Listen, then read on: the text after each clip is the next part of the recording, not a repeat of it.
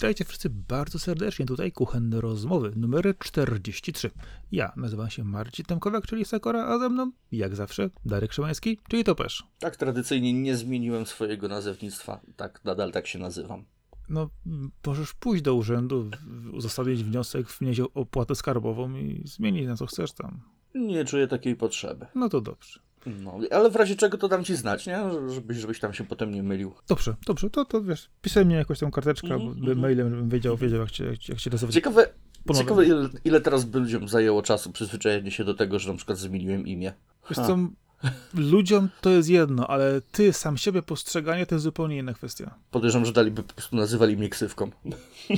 Też całkiem możliwe. Też całkiem możliwe. Chociaż wiesz, to też nie jest tak, że możesz sobie zmienić na co chcesz, jak chcesz i tak dalej, nie? No jak to nie?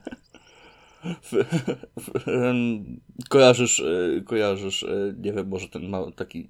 A nie, no dobra, nie będę może opowiadał e, memów z internetu, ale można ciekawie nazywać swoje dzieci. Tak, są takie przypadki, to rzeczywiście dziwne imiona w połączeniu z nazwiskami, no zastanawiam się zawsze, dlaczego ci rodzice tak krzywdzą swoje dzieci, ale to już, e, to już pytanie do ich terapeutów. Ja ci już mogę powiedzieć na przykład, nie wiem czy pamiętasz jak e, wychodził Skyrim, to już ponad 10 lat temu, e, Bethesda robiła taką akcję promocyjną, e, promując swoją najnowszą grę, że e, bo tam gramy e, smoczym dzieckiem, dowakinem, nie? Ze smoczy krwi e, i w ogóle straszny heros z nas ma wyrosnąć. E, I Bethesda prowadzi taką akcję, że jeżeli e, w dniu premiery narodzą się jakieś dzieci i rodzice zdecydują się dać swojemu dziecku imię e, Dowakin, czyli Dragonborn, ten zrodzony ze smoków, to dzieciak będzie miał do końca życia wszystkie produkty Bethesdy za darmo w najbardziej wypasionych wersjach. E, I wiem, że było mnóstwo takich przypadków w Stanach i jestem teraz ciekawy, jak po tych 12 latach te dzieciaki zapatrują się na swoje imię. Może są już bardziej świadomi tego, co im starzy odwinęli za numer. Trudno mi stwierdzić. E, Wiem, że były takie fale i mody właśnie na różne imiona e, w przypadku właśnie filmów, czy też książek, komiksów też, gdzie rzeczywiście pojawiało się na przykład z Torgala dużo A Arisji, ile, ile Daenerys było przez ostatnie 10 lat? ale tak samo Geraltów, zobacz. O, oczywiście, Ge- Geraltów, Daenerys, y, jeszcze pamiętam y, Izaury, jak Izaura leciała w telewizji, potem, potem Briany Jessica się zaczęły i wszystko szlak trafił. E, No i Karyny jeszcze. Karyn, to, już. Karynie się to już bardziej współczesnym problemem. Jakoś nigdy, mając tam powiedzmy naście lat, o Karynach nie słyszałem. Pewnie wtedy nazywało się to inaczej. Może, albo, albo... O, Januszach już coś tam się mówiło, nie? Ja, Janusz biznesu, że że wiadomo, jak sprzedaje samochody, to na pewno Janusz, nie? I tak dalej. No tak, ale wiesz, patrząc, e, patrząc z tej, z tej drogi memowej i takiej, wiesz, e, e, szufladkowania, to mówi się właśnie, że obok Karyny jest Sebastian. Nie wiem dlaczego, nie rozumiem. No, bo, a, bo Seba, no bo Seba, typowy Sebix, nie? No tak. Ty, typowy Sebix z typową Karyną. W Stanach masz Karen, no nie? A męski odpowiednik, jak jest na przykład Sebixa? Myślisz? W Stanach jest? No bo znamy Karen, a, a facet? Karen, Karen na pewno, ale facet no, nie wiem. Kurczę. Pewnie jakiś też by był. Na pewno by się znalazł, nie? Jakiś Kołolski. Powiem ci, że kiedyś mo- moja znajoma e, w pracy wymyśliła e, absolutnie polskie współczesne imię No, dla chłopaka. no. Brianusz. Brianusz. To nawet nie brzmi tak tragicznie. No, ale obawiam się, że reperkusje mogą być straszne. Ale na pewno bardziej, kurde, nie wiem, wyniośle niż Brajanek, no nie? No to... Chociaż Janusz to Janek. Ha. Nie, Jan to Janek, nie Janusz. Przecież Janek to od Jana. No, Brianusz. No to Janusz. Brajanusz. Okej, czekaj, mózg mi się już zaczyna kopcić powoli. Ale ty dopiero zacząłeś. Taki Darek to Dariusz, to, a Marek to Mariusz? To tak samo właśnie Darek Dariusz to nie to samo. Ani Marek i Mariusz to nie to samo. Ale to tak samo jak możesz się, możesz się pytać o to, jak się nazywa narodowości. Masz e, Albanię, Albańczyków, Rumunę, i- Rumunię i Rumunów? Nie, no Rumuńczyków, Ru- tak czy nie? Rumuńczyków. No, no, Ru- ale no, no, no, no Rom-. Romanians. I zaczynają się różne rzeczy. Du, dużo, dużo, wiesz, po, Polska trudny język, więc tutaj mi się... że Polski język jest ciężki taki do sklejania, nie? No bo jednak mamy takie klocki, z którymi musimy sobie układać te, te wszystkie słowa i tak dalej, ale są przyzwyczajenia i po prostu nawet jeżeli coś sensownie, gramatycznie ma dużo więcej sensu niż tak do tej pory nazywaliśmy jakąś nację, no to i tak przelgnęło i ciężko się będzie od tego odkleić, no nie? Nawet daleko szukać, e, mówiło się, wiesz, na przykład na Słowacji, e, no powinno być w Słowacji, prawda? Słowacji, no tak, no ale na Słowację albo yy, na Madagaskar, nie? No nie do Madagaskaru, tylko na Madagaskar.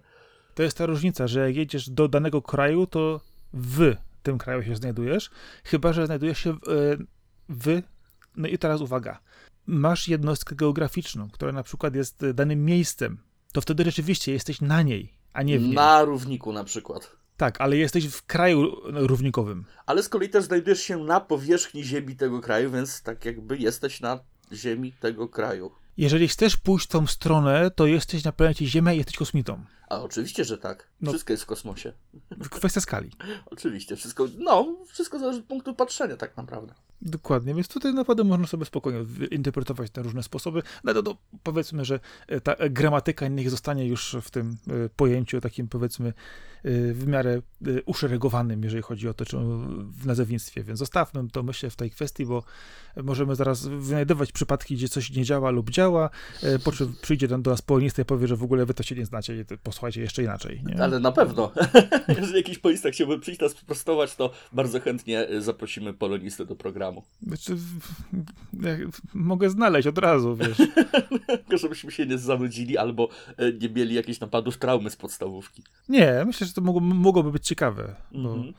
y, dobry polonista to wiesz, tak z nauczycielem dobrym, potrafi y, naprawdę dobrze nauczyć, zainteresować i pokazać, chyba, że jest to wiesz, e, tak zwana moje doświadczenia pani od polskiego, kiedy czytaliśmy jakieś dzieło literackie i mieliśmy je zinterpretować. Oczywiście każdy odbierał sztukę po swojemu, po czym pani otwierała swój segregator i powiedziała, że wszyscy się mylicie, bo to jest tak, a inaczej. pani No według i- klucza już jechała, tak? No właśnie. No i co, co powiesz? No nic nie powiem. Co zrobisz? Nic nie zrobisz. I tak to niestety wygląda. No można co najwyżej bić na alarm na, na wywiadówkach, że system edukacji jest do wywalenia do kosza tak naprawdę i przepisania jeszcze raz. A to coś nowego? No, miałem wrażenie, że to było trochę bardziej poukładane, kiedy chodziłem do szkoły, ale może to tylko wrażenie.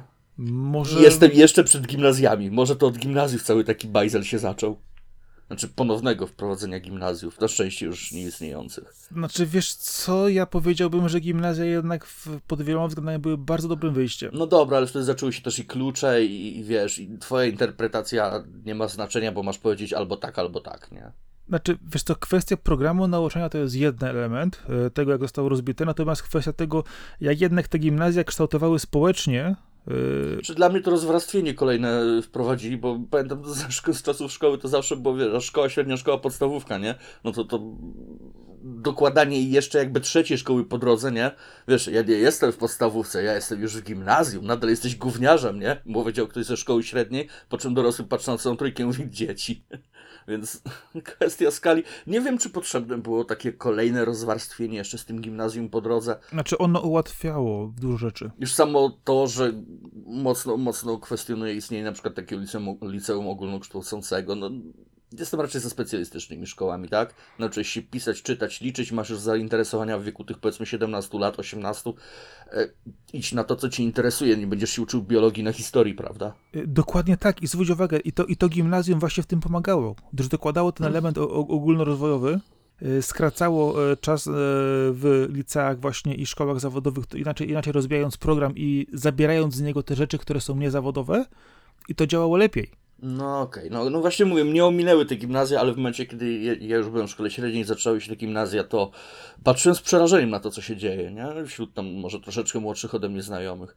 Znaczy, to różnie, różnie wypada, ale właśnie pod tym względem, który mówiłeś, że kwestia właśnie e, zdobycia tego podstawowego wykształcenia w odpowiednim, e, powiedzmy, poziomie i później przejścia w kierunku właśnie już bardziej szkół, szkół kształcenia zawodowego, e, bądź też dalej w kierunku studiów, później już też, to te gimnazja właśnie przesuwały tą granicę trochę dalej i to jednak trochę lepiej funkcjonowało pod tym względem. A Oczywiście, można mówić o tym dużo e, i dobrych, i złych rzeczy, e, jednak też ważne jest to, że dużo, pomijając, co się mówi o, o, gimbazie, o tych różnych wiesz, elementach dotyczących właśnie, e, powiedzmy, adaptacji społecznej, czy też rówieśniczej, Gimby nie znają.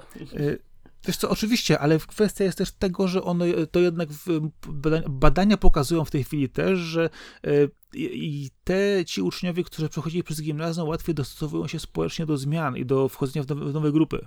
Więc to też ma pewne trochę inne jeszcze reperkusje do, w stosunku do tego. Więc to, to nie było takie głupie, ale no w różny sposób zostało to w, w ten, tak czy inaczej po prostu, no powiedzmy nieodpowiednio poprowadzone, albo zbyt krótko, żeby to się zdążyło e, utrwalić. Mm, No wiesz, z każdym pokojem tak jest, że na pewno znajdziesz kogoś, kto krzyknie, za komuny było lepiej, nie? Ja zawsze wtedy odpowiadam, no wydaje ci się, że było kiedyś lepiej, bo byłeś wtedy młodszy i wszystko było fajniejsze. Bo każdy po prostu dojrzewał w innych czasach i mamy troszeczkę inny punkt odniesienia. No, ale prawda jest taka, że wiesz, to, że ktoś dojrzewał w innych czasach że to kiedyś przykładowo coś było prostsze, to wcale nie znaczy, że coś kiedyś było łatwiej. Na pewno też nie lepiej, nie? No ale no, to wszystko się zmienia właśnie. Było inaczej, no. Mhm. Punkt odniesienia. Ale zawsze bierzemy tą miarką, nie? Tym punktem odniesienia, który my mamy. Nie, nie, nie. Wszystko, wszystko, posłuchaj, sprowadza się do jednego określenia, które wszystko od razu powoduje i niszczy i rozwala i powoduje, że ten, kto to mówi, ma rację. Za moich czasów było lepiej. Mhm. Okej, boomer. No i się zaczyna. Ale znowu, ale nadużywanie określenia OK boomer to jest w ogóle masakra, bo e, że ktoś chce poczytać w ogóle o co, e, dowie się o, o co chodzi z tym boom, e, OK boomer i co to było pokolenie właśnie... Boomerzy to nasi rodzice. Nie, w Tak. Polsce nie było. W, e, I to właśnie, i tu się znowu mylisz. W Polsce, nie, w Polsce nie było tego okresu wzrostu gospodarczego, jaki był w Stanach, który właśnie głównie był właśnie w latach 60., 70., kiedy właśnie wtedy wystarczyło, że pracował tylko ojciec rodziny, e, żona siedziała w domu, zajmowała się domem i kasa wystarczała na prowadzenie całego domu, zapłacenie za wszystko, jeżeli na wakacje, kup- wykupienie domu z całą hipoteką praktycznie w kilka lat samochodu i robienie dzieci e, ile się chciało i to właśnie był ten element. W Polsce tego czegoś nie było. Absolutnie. To, że teraz określa się poprzednie pokolenie boomerami, to jest zupełnie inna kwestia. To, że przylgnęło to do pokolenia w Polsce, Ja bardziej, ja bardziej odnosiłem boomerów do baby boomerów. ale gdzie, gdzie ich masz? No trochę było, nie? Nie wiem, nie znam, wyjaśnij mi, bo ja nie znam. Było, było, było, było. Ja ci powiem, że ja znam jedną osobę, która. Nie, znam dwie osoby, które mają więcej niż y, dwójkę dzieci. I są one w moim pokoleniu, a nie znam nikogo z poprzednich pokoleń, które miałby więcej, chyba że było to rzeczywiście e, pokolenie mojej babci, mojego dziadka, czyli powojenne. Więc nie wiem, gdzie masz to boomerstwo typowo właśnie takie, chyba rzeczywiście, że jest to obiegowe określenie na OK boomer, że są to starzy, bo się nie znają. No tak to przygnęło, nie? Tak, tak to teraz mniej więcej i takie ma to znaczenie. Strasznie mylące jest to określenie Mhm. właśnie, nie? W Polsce w ogóle takie zjawisko nie ma miejsca. Wiesz, tak naprawdę mm, boomerzy Gen Z, X, Y, O, G, Ż, ciężko to tak naprawdę poprzyklejać i nie ma to najmniejszego sensu. określanie tych pokoleń na siłę trochę, wiesz, to, dopiero może, wiesz, będzie miało miejsce za... Szufladkowanie takie, nie? Wiesz, ta dekada to ci, a tamta dekada to tamci. No oczywiście, wiesz, to, to się zmienia w tej chwili, żyjemy w czasach bardzo burzliwych zmian i to bardzo różnie do tego podchodzi. Chociaż ja na to patrzę w ten sposób, że y, my też jesteśmy temu trochę winni i też trochę nasi rodzice i ten spo, sposób wychowania. Y, Tylko, że u nas w Polsce to do- do- dość mocno widoczne, że y, mieliśmy ten okres bardzo gwałtownego wzrostu gospodarczego w latach 90., kiedy rzeczywiście Polska się diametralnie zmieniała, zmieniało się, wiesz, y, podejście do wielu rzeczy, prawo też zmieniało się i pewne dochodziło też rozluźnienie, powiedzmy, społeczne na dużo elementów. I to się przekłada też bezpośrednio na nas, wiesz, nie mówię, że wszyscy żyli nie wiadomo jakiej bańce, czy y, z jednej strony w pokoleniu, które, wiesz, usiłowało się dorobić, z drugiej strony żyliśmy też w tym e, czasach, kiedy to pokolenie właściwie usiłowało, wiesz, jakoś regulować swój rynek pracy, regulować swoje życie, e, kiedy, wiesz, nie, nie było tego ustroju wcześniejszego, jak powiedzieć, komunizmu, prawda, czy socjalizmu, jakby to określić. Oczywiście zaraz, zaraz będzie kłótnia, że w Polsce nie było jednego, bo nie było drugiego, nie wnikam, był inny ustrój po prostu. Były lipne czasy w każdym razie. No Bo można się zgodzić, że na pewno nie nazwiemy je okresem rozkwitu społeczności, społeczeństwa. Nie, chociaż e, prawda jest taka, że było tam kilka e, ciekawych ruchów po drodze, kiedy usiłowano to ratować, ale kończyło się tak, kończyło się zawsze. Więc no niestety e, to... Wiesz, to zawsze, zawsze gdzieś tam znajdziesz jakiś, jakąś jedną dobrą stronę czegoś, nie? Pytanie tylko, czy jak bardzo jest to przeważająca strona. Znaczy fajnie, gdyby zawsze dobre rzeczy przeważały, ale to się nie, to się nie zdarza. Y, Nie, nie, ale to wiesz, to się przekłada to, też właśnie na to, jak się wiesz, pracowało kiedyś, jak się pracowało później, że y, kiedyś ta praca była obowiązkowa, każdemu się należała, a później, y, później był długi, długi okres właśnie, kiedy było ciężko o tą pracę. Nawet jak nie chciałeś robić, to siłą, nie? Musiałeś tak naprawdę. Y, Tak, ale wiesz co, potem były trasy właśnie, kiedy było ciężko pracy, kiedy dużo rzeczy się wiesz, tutaj zmieniało. Y, No i mamy teraz na przykład, obecnie teraz patrzymy na to, że mówi się, że rynek jest w tej chwili przykładowo pracownika, e, że też właśnie wychodzi się w tą stronę, że wiesz, e, że zarabia się odpowiednie pieniądze, wychowuje się te dzieci i rodziny, dostarcza się im wszystko, co, wszystko, co chcą, a znowu to pokolenie wcześniejsze nie miało nic, więc usiłujemy teraz nadrobić to dla swoich dzieci, to, że my nie, nie mieliśmy i znowu przeopiekujemy je za mocno.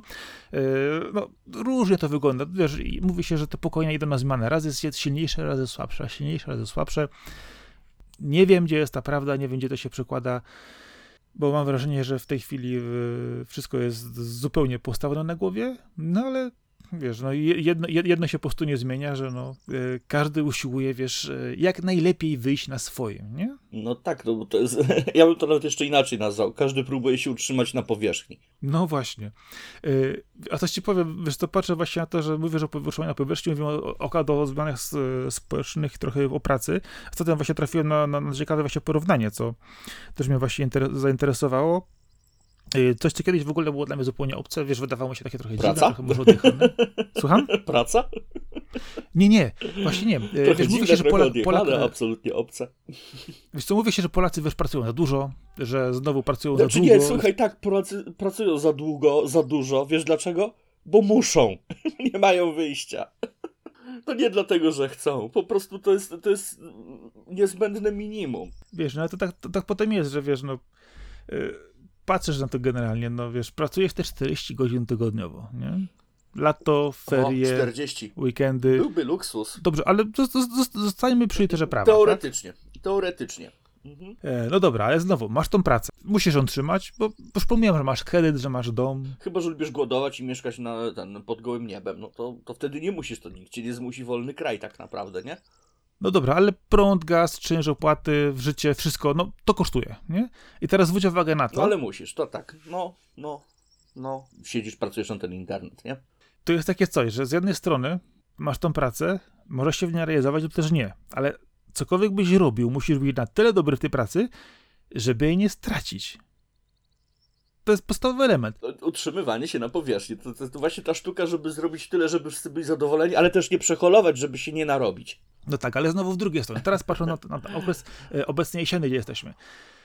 Mówi, patrzę na aktualne wyniki badań. Ponad połowa Polaków chodzi do pracy właśnie chorych. chorych. Wiesz, infekcja, gorączka. Mm Nieważne, co jest tam. Dlaczego chodzą? No rozsiewamy, no bo muszę iść, nie? No tak, no, no właśnie, muszę iść, bo co? Bo, bo, bo ekonomia, no, no wiesz, iść. bo mam dużo obowiązków, więc tego za mnie nie zrobi. No bo, bo co? Bo premii nie dostanę, nie? Bo szef mnie wrzuci na czarną listę do zwolnienia, jak tak będę nie przychodził. No nieważne, że to jest praca powyżej tego, co masz powiedzmy w kontrakcie, nie?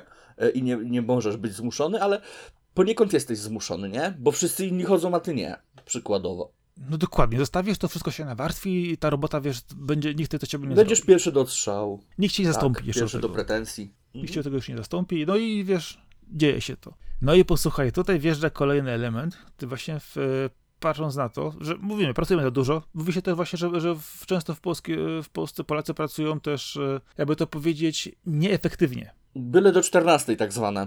No też, jak pracuję od 6, to tak. No tak. Wiesz o co chodzi, nie? Byle, byle do 14 y, wychodzę, to już nie jest moje zmartwienie. Znaczy, wiesz, to wiadomo, że praca, wiesz, praca wymaga zaangażowania, praca wymaga odpowiedzialności, ale to wiesz, to też to znowu zależy w jakich warunkach pracujesz, w jakiej firmie, jaki jest układ e, między tobą a ludźmi, z szefem i tak dalej.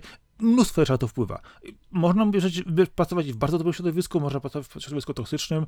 E, naprawdę, ja już pracowałem w różnych miejscach, teraz pracuję naprawdę w dobrym, fajnym miejscu i sobie to chwalę. I ba bardzo mi się to podoba, ale to wymagało wielu lat, wiesz, przejścia przez różne etapy, różne miejsca i odpowiedniego, wiesz, no, znalezienia swojego miejsca, prawda? No i też ryzyka, nie? No zostawiając jakąś pracę, powiedzmy, że masz ją pewną, ale czujesz, że tu może być lepiej.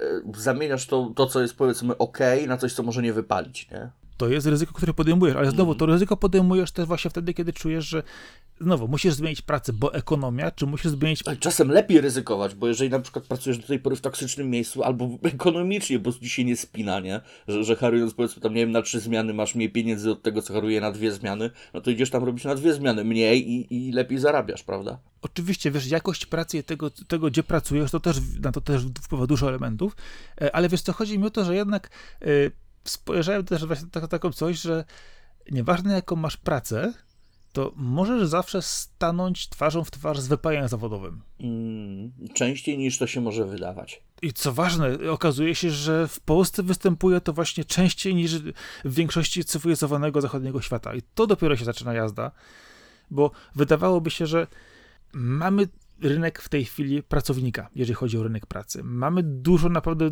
świetnie zorganizowanych firm, które wychodzą naprzeciw pracownikom. Oczywiście są plusy i minusy, różnie to, że to się dzieje, ale naprawdę, ja na przykład w moim środowisku pracy widzę, że zmienia się to wszystko na plus, idzie to w fajną, dobrą stronę i wiesz, jestem zadowolony pod wieloma względami.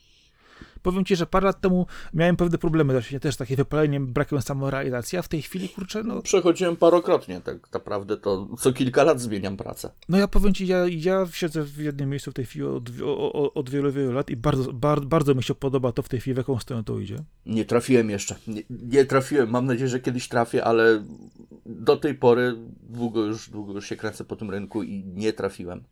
No, ja pracowałem wcześniej w wielu, wielu, no nie, że wielu, ale w kilku, kilku miejscach oczywiście, że mam pewne porównanie i jestem zadowolony, naprawdę jestem bardzo, bardzo zadowolony z tego, udało mi się, wiesz, połączyć, wiesz, i trochę mojej pasji, i trochę, i trochę tego, co, wiesz, czym, czy, czym się pasjonuje, właśnie, co, co, umiem, co umiem robić, co lubię robić. I jeszcze do tego robię to w pracy, na wielu, wielu miejscach się to łączy, ale powiem ci, że miałem też okres taki wcześniej, wcześniej, gdzie rzeczywiście też wypalenie zawodowe, takie wiesz, brak samorealizacji było już bardzo blisko na takiej mocnej krawędzi, nie? I to już było takie, czujesz, że coś ci odjeżdża w tej pracy i nie pasuje, nie? Wiesz co, doskonale wiem, o czym mówisz, nie? To jest na przykład ta myśl o czwartej nad ranem na nocce i zmianie w weekend, kiedy dochodzi do ciebie, co ja robię ze swoim życiem. w poniedziałek cię już, nie, już cię nie widzą, nie? Zdajesz klucze od szafki. Yy, jasne. Yy, no chociaż wiesz, to, to też kiedyś yy, miałem tak rzeczywiście, że pracowałem w czasie studiów właśnie w, jeszcze na, na zmiany. Zdarzyło mi się, wiesz, to, o, o, dla, mnie, dla mnie to był okres studencki właśnie, wiesz, gdzie potrzebowałem jakąś kasę jeszcze dodatkowo. Ale to jest akurat fajny okres, bo, bo wtedy to potrzebujesz tej kasy, to wtedy ci nie robisz, no. to będzie na zmiany, czy to będzie coś. No ale jakbyś tak powiedzmy 20 lat miał pracować na te trzy zmiany w czterobrygadówce, to jest nie do zniesienia. No, dokładnie. To jest nie do zniesienia. Wiesz, w tym przypadku mówimy akurat, wiesz, o zazwyczaj ciężkiej pracy fizycznej powtarzalnej w jakiś ten czy inny mm. sposób, ale z drugiej strony przykładowo wypalenie zawodowe występuje też, e, kiedyś mówiło się, że występowało w kadrze menedżerskiej, która, wiesz, w ogóle nie miała, wiesz, podejścia do, do różnych rzeczy. Najgorsze to jest w pracy kreatywnej. I właśnie praca kreatywna to jest coś, co jest niesamowicie obciążone. Mm-hmm. Wiesz, się śmieją, bo tam pracujesz w jakieś tam, co, coś tam wymyślasz. No wymyślasz, no ale człowieku. Wyobraź sobie pisarza, który nagle traci jakąkolwiek wenę na pisanie, nie ma żadnych inspiracji, od roku powiedzmy nie wypuścił żadnej książki. A weź takiego Stephena Kinga, który co, dwie książki rocznie trzepie. No może przesadzam teraz, ale on jest strasznie, strasznie płodnym autorem. Jego książek jest masa. On je praktycznie taśmowo produkuje. Tak, znaczy tu akurat można mówić o, różnych, różnych rzeczach właśnie, ale chodzi mi o to, że e, to jest właśnie to, że praca e, obciąża w różnym stopniu i problem właśnie jest taki, że wiesz, wydaje się, że e, wiesz, wypalenie zawodowe, syndrom wypalenia zawodowego, co to w ogóle jest? W ogóle jestem, wiesz, e tam wydziwia, że tam, wiesz, tak samo jak przecież człowiek ma słabszą kondycję, nie? Teraz się pojawia, wiesz, e tam de depresja, uhu, hu, tam, nie? Wymyślasz wymyślasz. Weź tam, we, obejrzyj sobie coś tam, poczytaj książkę, wyśpij się, nie? Tam, mm. Weź się w garść. O, weź się w mhm. garść, to jest najlepsze. No, weź się w garść. I to znowu krótki disclaimer, my się z tego nie nawijamy, wielokrotnie już mówiliśmy, że jeżeli coś się dzieje, idźcie do lekarza, do specjalisty, naprawdę, kurczę, to daje się ogarnąć. Jak was boli ząb, to też nie czekacie aż przejdzie, bo wiecie, że nie przejdzie. Dokładnie. Ale wiesz co, pójdźmy do tego wypalenia zawodowego. To jest y, efekt chronicznego stresu w pracy co ważne, co doprowadza do długofalowego zmniejszenia naszej produktywności. Stres w pracy? W Polsce? Nie. Przecież masz owocowe czwartki. Czym ty się przejmujesz? Zjedz banana, przejdzie ci. No. Wiesz, problem, problem właśnie jest taki, że może, mogą to być różne względy tego, nie? Bo z jednej strony, że na przykład nie czujesz się zrealizowany, czyli coś źle dobrałeś pod siebie w tej pracy, tak? Z drugiej strony jest takie parcie od góry, które powoduje, że nie jesteś w stanie, wiesz, spełnić wymagań. Znowu ty się stresujesz, tak? Bardzo, bardzo różnie to działa. Ale wszystko sprowadza się do tego, że po prostu na, na najprostszym poziomie nie regenerujesz się ani fizycznie, ani psychicznie. Jeszcze zamęczasz się myślą, że kurde, jutro rano muszę znowu tam wrócić i znowu wracamy do tego samego tematu. Najgorsze, co może być syndrom yy, niedziela wieczorem. Mm, o, wiesz co, to jest, to jest dramat. To jest dramat. Wiesz, że ja się go pozbyłem od dłuższego czasu, jestem zadowolony z tego powodu? Ja nie mogę. Ja przez długi czas miałem tak, że ja przeciągałem niedzielę do tego stopnia, że potem w poniedziałek byłem niewyspany, bo wiesz, im szybciej się położę, tym szybciej mi się niedziela skończy. No, znam to, znam to, znam to. No, wiesz o, wiesz o czym mówię. Wiem, o czym mówisz dokładnie. Jeszcze pół, jeszcze godzinka. Jeszcze chwilę, jeszcze później. I wiesz, że to nie wystarczy, ale jeszcze godzinka, nie? Tak, i potem siedzisz w tym, w, siedzisz, a potem siedzisz ten, ten czas i jeszcze dłużej się stresujesz. Mhm. No. No właśnie, ale to wiesz, powoduje właśnie to wszystko, że wiesz, w pracy masz dużo obowiązków, angażujesz się w to wszystko. No i wiesz, to, że dostajesz za to pieniądze, powiedzmy, że dostajesz dobrą kasę. Taką, że jest okej. Mhm. Starcza. Zostawmy ten element finansowy, bo on jest taki zawsze naj, najprostszy, najbardziej oczywisty, ale zostajemy przy tym, że jesteś y, normalnie, dobrze, uczciwie wynagradzany za swoją pracę. Wiem, że to nie wszędzie i nie zawsze, ale zostawmy, zostawmy ten argument, bo już no, Mhm. Za, załóżmy. Nie, nie, no to niech to będzie takie założenie. Mhm. załóżmy właśnie, że jesteś w, w, w tym miejscu i to fajnie działa, e, bo, bo Teoretyzujmy. czy ja dokładnie, dobra, cio, no.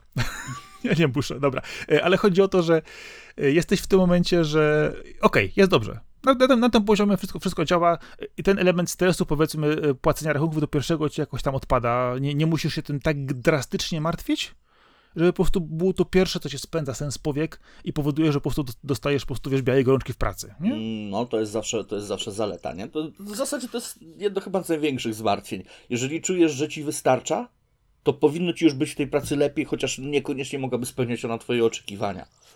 To przynajmniej wiesz wtedy, y, y, za co pracujesz, nie? Dokładnie. To, to, to jest też ta kwestia właśnie tego, że jeżeli rzeczywiście... e, Można się zgodzić na troszeczkę więcej obowiązków, czy też troszeczkę bardziej dokręconą śrubę w pracy, o ile wiesz, że za tym idą faktycznie y, pieniądze, jakieś długofalowe y, korzyści dla ciebie. Znaczy, znowu, wiesz, to przekręcanie śruby i ilość obowiązków, to też musi być jakoś sensownie, wiesz... Znaczy, wiesz co, część można, część można wytrzymać, tak? Nawet jeżeli to widzisz, ok, trochę przykręcałem śrubę, ale dobra, niech im będzie, przyjdę w tą sobotę do pracy na przykład, nie? Gorzej, jeżeli to jest nagminne. Wiesz co, ja patrzę to trochę inaczej. Raczej patrzę z punktu tego, że zawierasz pewną umowę, która, wiesz, ma określone, określone wiesz, e, założenia i jednak, wiesz, dobrze jest, kiedy obydwie strony się tego trzymają i nawet rzeczywiście, że jest to praca angażująca, jest to praca ciężka, która wymaga odpowiedniego po podejścia, to wiesz, co robisz, wiesz, za co, jest, za, za co jesteś wynagradzany i że to działa jednak, nie? A jeżeli przykładowo masz odpowiednio dobre warunki w pracy i- i rzeczywiście nie, nie dzieje się to nagminnie i nachalnie, że ciągle musisz zostawać po godzinach na weekendy i tak dalej, to raz na jakiś czas, kiedy następuje taka przykładowo sytuacja ponad e, no- normatywna, to nie ma z tym problemu. Ale z drugiej strony, jeżeli okazuje się, że musisz ciągle robić nadgodziny, ciągle musisz robić w weekend i tak dalej, no to coś nie działa z zarządzaniem twojej pracy. Właśnie, chciałem, właśnie to chciałem powiedzieć. Albo zatrudniają za mało ludzi, albo za mało pracą, albo, albo po prostu generalnie rzecz biorąc źle tym zarządzają. To, to, rozumiesz? I to Tak, właśnie w którejś firmie y, miałem już ci, y, ścięcie na, na pieńku, że tak powiem, na dywaniku, właśnie przez takie stwierdzenie wprost przełożonemu, że jeżeli my od kilku tygodni mamy non-stop nadgodziny i, i non-stop soboty, gdzie przyjmując się do pracy nie ma nadgodzin, nie ma sobot, tak słyszałem, to znaczy, że ktoś tutaj bardzo kiepsko zarządza tą firmą. Nie powiedziałem kiepsko, powiedziałem dosadniej. E, nie pracowałem tam już miesiąc później, nie? Także wiesz. Rozumiem cię, rozumiem cię. Ja też kiedyś byłem w firmie rzeczywiście, z której uciekałem jak, tak szybko, jak tylko po prostu byłem w stanie e, na pierwszy Znaczy nie, wiesz co, po prostu niektórych, ja nie uciekałem, to, to nie to, że ja się zwolniłem, nie, po prostu p- pewnego Janusza biznesu za, zabolało, że przy wszystkich pracownikach powiedziałem mu to, co wszyscy myśleli, tylko nikt nie miał jaj się wysłowić, nie, na ten temat, więc... Wiadomo, wiadomo. Cóż. No ale wiesz, znalezienie sobie do, dobrego miejsca do pracy to czasami oczywiście trwa trochę czasu i odnalezienie się w nim też. Mhm. Więc to, wiesz, no, to znowu jest taka kwestia, że nawet jeżeli, zobacz, masz pracę kreatywną, pracujesz w dobrym miejscu, to może się okazać, że wiesz, gdzieś tam się człowiek na przykład do końca nie realizuje.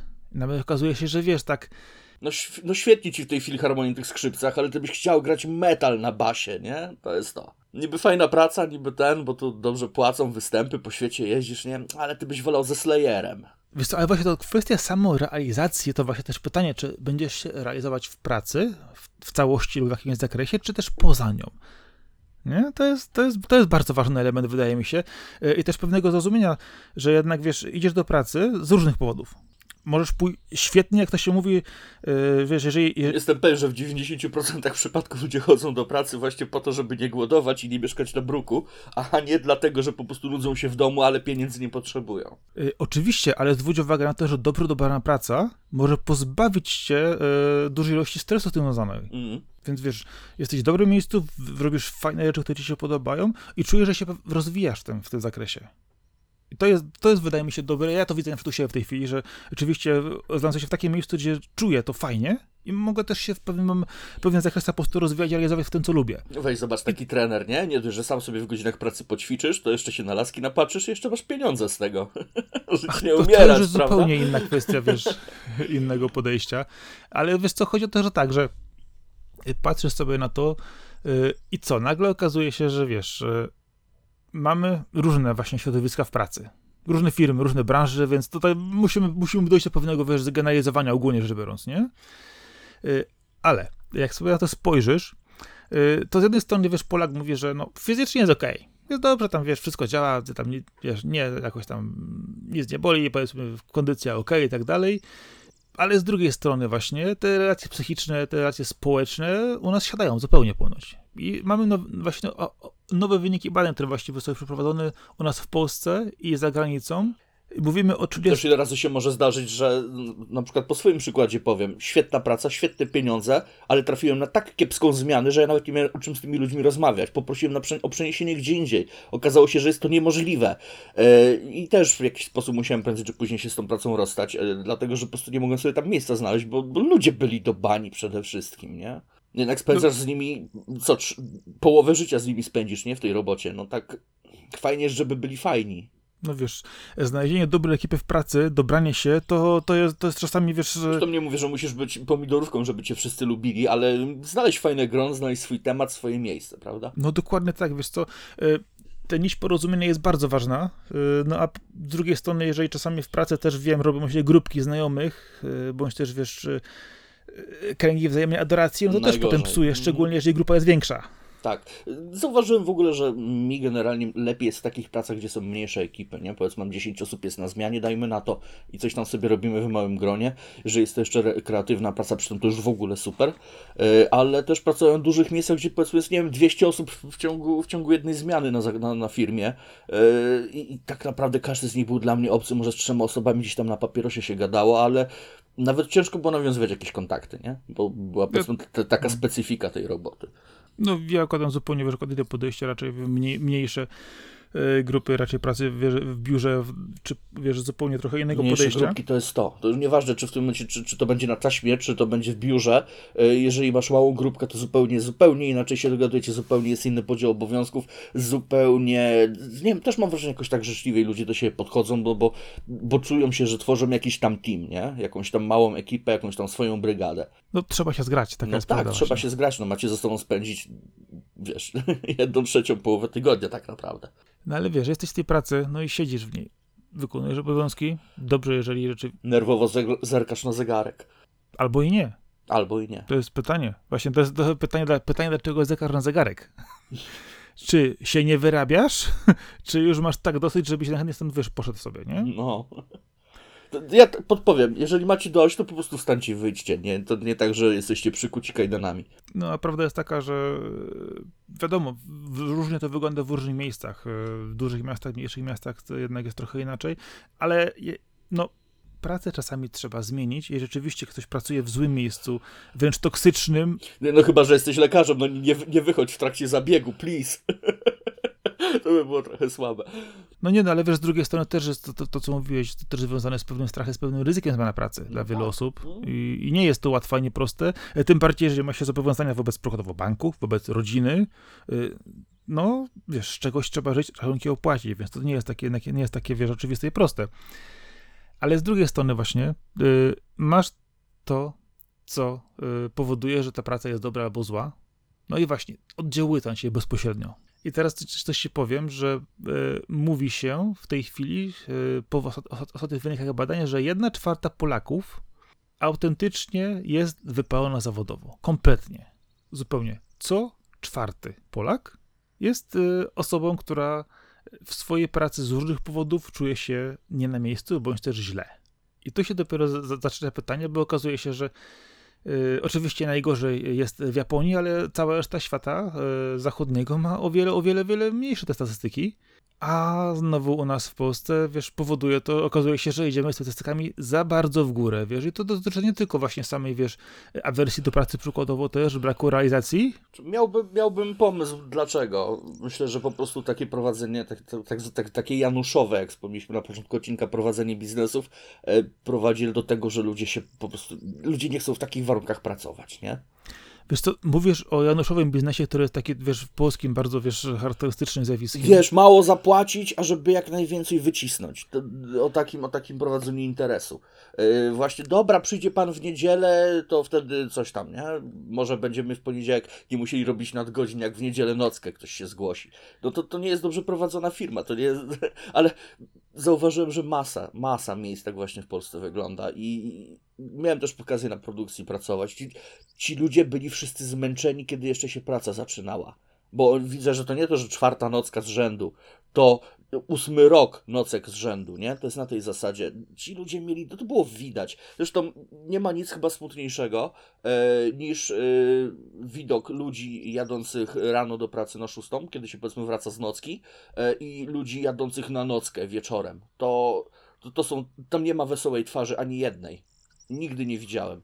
No nie, ale musisz też zwrócić uwagę na to w drugą stronę, że w firmach lepiej zorganizowanych, korporacyjnych e, występuje tak samo właśnie taka duże, duże wiesz, rozjechanie się tego, co jest deklarowane przykładowo przez organizację, jako wiesz, a ten co rzeczywistości, jak, jak to w rzeczywistości w niej działa. E, wiesz, mówi się, wiesz, no korporacja jednak jest bardziej, wiesz, uszeregowana, bardziej, lepiej zarządzana teoretycznie w wielu zakresach, e, ale z drugiej strony też często ma, wiesz, przerost jakiejś biurokracji, papierologii, procedur i tym podobnych rzeczy i to gdzieś tam się, wiesz, rozbija, tak? Wiesz, niby jest to lepiej, lepiej, lepiej zarządzane, ale jednocześnie jest to zbyt mocno obciążeniem. No tak. No czy wiesz, to niezależnie od miejsca, nie? Jeżeli wypełniasz faktury od 20 lat, to też już żygasz na widok tak, tych faktur, nie? No, ale wiesz, znam te osoby, które tak lubią numerki i inne rzeczy, że po prostu nie mają z tym najmniejszego problemu. Mogą w nie zawsze siedzieć. Ale to jest, to, wiesz, zupełnie, zupełnie inne, inne podejście.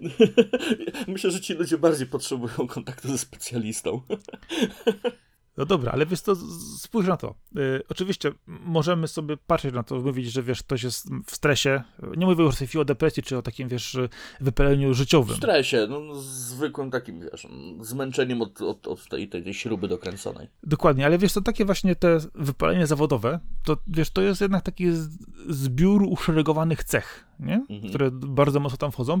Znaczy, rozróżnia się to też w tym przede wszystkim, że dotyczy to warstwy emocjonalnej. Mówi się, że o tym, że przykładowo, jeżeli jest to kwestia depresji, czyli mówimy o zmęczeniu życiowym, najogólniej, najprościej mówiąc, to mamy najczęściej poczucie winy z pewnego niezrealizowania pewnych rzeczy, natomiast przy wypaleniu, czyli w pracy, raczej jest to gniew, jest to złość, że wiesz, że coś tu nie działa tak, jak powinno, więc in, in, inny jest... Flaki sobie wypruwam, a tutaj nic. Dokładnie.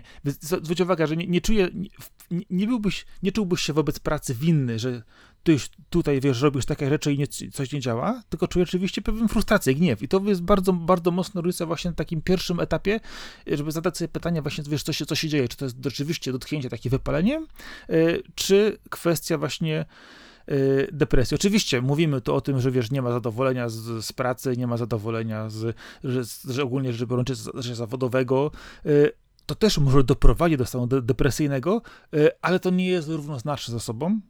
To jest coś, co wiesz, działa na pewnym etapie, że nie jesteśmy zadowoleni z pracy, to nie znaczy, że jesteśmy, nie znaczy od razu, że jesteśmy niezadowoleni z siebie, swojego życia. To są dwa różne elementy. Oczywiście, jeżeli w przypadku, jeżeli występuje to w e, kwestii niezadowolenia ogólnie z życia wypalenia, powiedzmy, emocjonalnego, to jest zupełnie, zupełnie in, inna, e, powiedzmy, skala problemu, ale warto na to po prostu spojrzeć z tej strony, że właśnie to wypalenie zawodowe to jest takie, wiesz, czujesz jednak, że no gdzieś, wiesz, jesteś zdegradowany w tym miejscu, nie? Możesz więcej, ale wiesz, twoja wartość, czujesz, że wartość twoja byłaby większa, mogłeś zrobić coś więcej, jest lepiej, coś fajniej. Coś ci jednak w niej hamuje w jakiś mm, sposób. Coś ci ogranicza. Mm. W jakiś sposób, dokładnie. I czujesz z tego, co? Bezradność. Mimo tego, że jesteś zaangażowany w swoje, wiesz, obowiązki zawodowe, pomimo tego, że jesteś zaangażowany w pracę, to czujesz, że nie przeskoczysz pewnego elementu, nie? To od razu wpływa na pracownika, na ciebie, na kogośkolwiek innego. że jednak są to negatywne emocje, są, wiesz, jest to pewne pesymistyczne podejście negatywne, no, no jak, jak wpływają na nas e, negatywne emocje? Oczywiście, tracimy tą empatię, denerwują nas ludzie, stają się po prostu często mniej, mniej, e, mniej wrażliwy, nawet czasami jakaś apatia. No i co z tego, co z tego wynika? No, praca powoduje u nas zanik satysfakcji z niej, prawda? Nie, nie, nie mamy z niej radości żadnej. Coś mocno ogranicza. W ogóle nie? to jest niezła sztuka, nie? Żeby znaleźć taką pracę, która sprawia ci satysfakcję tak całkowicie. Że, że naprawdę cieszysz się, że idziesz do pracy. No ja się cieszę, ja idę w dobrą stronę na przykład. Ja kosztowało mnie to dekadę, ale jest przykładowo. Ja się, ja się cieszę, gdy, gdy przynajmniej neutralnie się czuję, idąc do pracy. No. Nie muszę iść z radością, wystarczy idę neutralnie. Gorzej jest, kiedy wstaję i pierwsza moja myśl to jest kurwa znowu, może L4 bym wymyślił. No to, to znaczy, tu, tu się lampka zapala, coś jest nie tak z danym miejscem, coś tam musi być nie halo. No właśnie i zobacz, i wtedy po prostu wiesz, jesteś w tej robocie, czujesz się niedoceniony. Kompletnie, nie? ciągle coś się denerwuje, coś cię ciągle rozprasza. Wiesz, rozprasza cię, koncentracja odpada, pracujesz gorzej. Tak, bym, nie? bym powiedział ktoś, palcem bym pokazywał prawdopodobnie. No tak, ale zwróć uwagę teraz, to zespół tych wszystkich czynników, na ciebie wpływają, wpływają też na ciebie fizycznie i psychicznie. Wiesz, no, to jest pe pewien stan chorobowy jednak. Dochodzi do, się do, wnioska, do, ten, do wniosku albo do, do takiego stanu, że w sumie to mi teraz już wszystko jest jedno, nie? To za dokładnie, dokładnie, dokładnie to, to, jest właśnie krok dalej, bo rzeczywiście czujesz to jestem wyczerpanie. Pracy, to jestem, coś tam robię, ale bez, bez jakiegoś tam zaangażowania. Coś się spieprzy, to się spieprzy, no, wzruszysz ramionami, jeszcze dwie i pół godziny idę do domu, a tu niech się martwią. Idę, idealnie opisujesz to, co właśnie chciałem powiedzieć. Wiem, bo że... byłem tam. Tak, no, po prostu byłem tak, ale o to właśnie chodzi, że e, czujesz to wyczerpanie, czujesz to zmęczenie, brak docenienia, e, praca traci sens, czujesz tą pustkę w środku głowy najprościej. Któregoś dnia po prostu mówisz, wiecie co, a wypchajcie się. Właśnie. I co? Izolujesz się od ludzi, nie? Nie, wychodzisz z pracy. Jesteś zirytowany, no tak. zły, weźcie ich wszystkich tam. No i na końcu co? No nie masz motywacji, nie realizujesz się, a jeszcze w ogóle nie ma, życie nie ma sensu, nie? No. No i wiesz, my możemy teraz z tego nabijać, ale każdy z nas przechodził to w różnym etapie. Yy, Oczywiście, że tak. W różny sposób. Yy, dobrze, jeżeli udało Nawet się... nie tylko z pracą. Wiem, wiem też po, po paru osobach, że to, to, już w szkole się nawet takie rzeczy pojawiają. Gdzie w połowie studiów czy w połowie szkoły się nie że to nie o to mi chodziło. Nie tu chciałem być, nie to chciałem robić. Ja tutaj na samych dwójach jadę, tego się nigdy nie nauczę. Tamto mnie wkurza, a, a nie wiem, a, a ten, laski z klasy są wredne, nie? Dajmy na to. Więc no to nie tylko się odnosi do samego życia zawodowego, to też już wcześniej. Generalnie, kiedy jesteś skazany, tu robię cudzysłów w powietrzu, na spędzenie czasu z jakąś grupą yy, w określonym miejscu yy, i na pewno powtarzalne czynności przez kolejne ileś tam lat, czy dajmy na to chodzenie na matematykę w tym przypadku, to będzie to samo, co, co, co poniedziałek w pracy, nie? Poniedziałek w szkole nie będzie się niczym różnił. No niestety, tak, tak to wygląda, że e, w każdym aspekcie e, ten wyścig szczurów, wiesz, jest obecny wszędzie i najprościej mówić to właśnie o szkole, gdzie, wiesz, jest ktoś, kto kogoś, wiesz, gnębi, prześladuje, nie lubi. Tam, tam spędzamy najwięcej czasu zaraz po szkole, tfu, po pracy. No wiesz, trafiasz też na różnych ludzi, różnie to, różnie to, wiesz, oddziałuje. Znaczy, wiesz, to prawda to jest taka, że, e, wiesz, mówimy o cofnąć się do szkoły, ale myślę, że będziemy trzymać się tego życia dorosłego. Wiesz, to... I tak do szkoły, nie mówiłem tu o podstawówce, tam nie wiem, szkoła średnia w górę, bo właśnie o to mi chodzi, że no nie wiem, idziesz na, na lekarza medycyny i po trzech latach tej medycyny mówisz, kurde, tak naprawdę to ja bym wolał w silnikach dłubać. No wiesz, ale to właśnie jest to, że no, musisz jakoś równoważyć to swoje życie zawodowe i prywatne, swoje oczekiwania, wiesz, i to, czemu jesteś w stanie podołać. Wiesz, to się bardzo prosto mówi oczywiście, to, to wymaga często wielu, wielu lat, wiesz, do sprawdzenia się, sparzenia czasami w wielu miejscach też, żeby to, to Musisz wielu rzeczy przede wszystkim spróbować i to na tyle długo ich popróbować, żeby się upewnić, czy faktycznie chcesz, chcesz mieć z tym więcej wspólnego, czy mniej wspólnego. Dokładnie, musisz podjąć własne możliwości i granice, co ważne. Mm. Jak daleko możesz się posunąć, no i, e, i to jest takie najprostsze, co się wydaje. Oczywiście e, ja też nie jestem w, w, w, każdym aspekcie zadowolony ze wszystkiego i tak dalej, no ale wiesz, staram się pójść w jakąś w tą stronę, która wiesz, yy, mi odpowiada i się cieszę z tego, że są jakieś wyniki. Gorzej, jeżeli wyników nie ma, to oczywiście rodzi to straszną frustrację. Mm. To myślę, to takie pierwsze, yy, bardzo ważne właśnie odczucie. Yy, no ale wiesz, prawda jest taka, że trzeba doceniać te swoje małe trudy, sukcesy. E, trzeba też, wiesz, umieć zwrócić się do innych czasami o tą pomoc. E, no i wiesz, no, mówi się bardzo prosto, no, rozwijaj swoje pasje i hobby, nie? No takie banalne, prawda? Tylko, że problem jest taki, że niektórzy... Tak. Kiedy? gdy, masz, gdy masz nocki w święta, kiedy masz rozwijać swoją pasję? No. No to jest właśnie też to. Kiedy jesteś uzależniony od jakiegoś miejsca pracy, także tu godzinkę po, po zostaniesz jeszcze, tutaj dwie, to może w weekend przyjdziesz, się okazuje, że ty w ogóle nie masz czasu potem dla siebie. Nie masz już żadnych, w, którym, w którymś momencie nie ma żadnych zainteresowań. Zmieniasz potem pracę na jakąś taką, co ci daje więcej satysfakcji, więcej czasu wolnego i się okazuje, że nie bardzo masz co robić z czasem wolnym, bo koledzy już do ciebie nie dzwonią, bo ciągle jesteś zajęty. Yy, na pasję nie ma już miejsca, bo, bo, bo nie bardzo masz co robić tak naprawdę, nie potrafisz się odnaleźć, nie? No wiesz co, problem potem jest taki, że to przelewa się to potem bezpośrednio na, na życie osobiste poza pracą. No tak. Wiesz, to kompletny brak realizacji, wiesz, jakieś totalna frustracja, to wypalenie, wiesz, życiowe jest, no, naprawdę bardzo, bardzo poważnym, poważnym elementem i to rzeczywiście, tak jak mówiliśmy wcześniej, to może doprowadzić bezpośrednio do, do, do, do stanów depresyjnych, do dużo, dużo poważniejszych konsekwencji. I tutaj, wiesz, je, je, mówi się, że jest taki prosty, prosty lek po drodze. Oczywiście zawsze można porozmawiać z pracodawcą, można porozmawiać z kadrami, znaleźć sobie jakiś plan rozwoju. Wiesz, no, porozmawiać z pracodawcą, z kadrami, ale co z tego, jeżeli firma jest zarządzana kiepsko i tak w piątek po południu padnie pytanie, kto może przyjść w sobotę, bo nie zdążymy ze wszystkim na poniedziałek, nie? Rozumiem cię jak najbardziej. Wiesz, z drugiej strony, wiesz, ja mam na szczęście troszkę inne podejście i inne doświadczenia w tej chwili. Rzeczywiście, że mam osoby, do których mogę się zwrócić, do których mogę pogadać i wiesz, cieszę się, że to na przykład e, sensownie działa, ale na przykład może się okazać, że to już nie działa na jakimś poziomie u kogoś. Rzeczywiście, masz tą sobotę, masz tą kolejną zmianę, kolejną, kolejny element, wiesz, jakiejś pracy, e, kolejnego zlecenia, które wiesz, że musi być realizowane na czas i tak dalej i ty po prostu już nie domagasz. No, e, prawda jest taka, że jest nawet możliwość pójścia na L4, na wypalenie zawodowe. I to jest właśnie, wiesz... Byłbym na nim chyba do końca życia. No, a może akurat byś tyle nie mógł, ale wiesz co, chodzi mi o to, że doświadczenie właśnie y, do pół roku mniej więcej, tam bodajże 182 dni, jakoś tak mówi o tym. Chodzi, chodzi o to, że wchodzi prawo pracy, kwestia badań lekarskich, zdolności i tak dalej. Y, ale właśnie ważne jest to, że na przykład z drugiej strony to wypalenie zawodowe nie jest na jeszcze chorób, ale z drugiej strony wiesz, wszelkie objawy schorzenia z tym, z, z, z, tym związane wskazują na stan chorobowy. No i tutaj myślę, że tak jak kiedyś depresja też nie była chorobą, mm -hmm. a mhm. została też później uznana i wpisana i zupełnie to się potoczyło, więc wydaje mi się, że to też jest kwestia później czasu.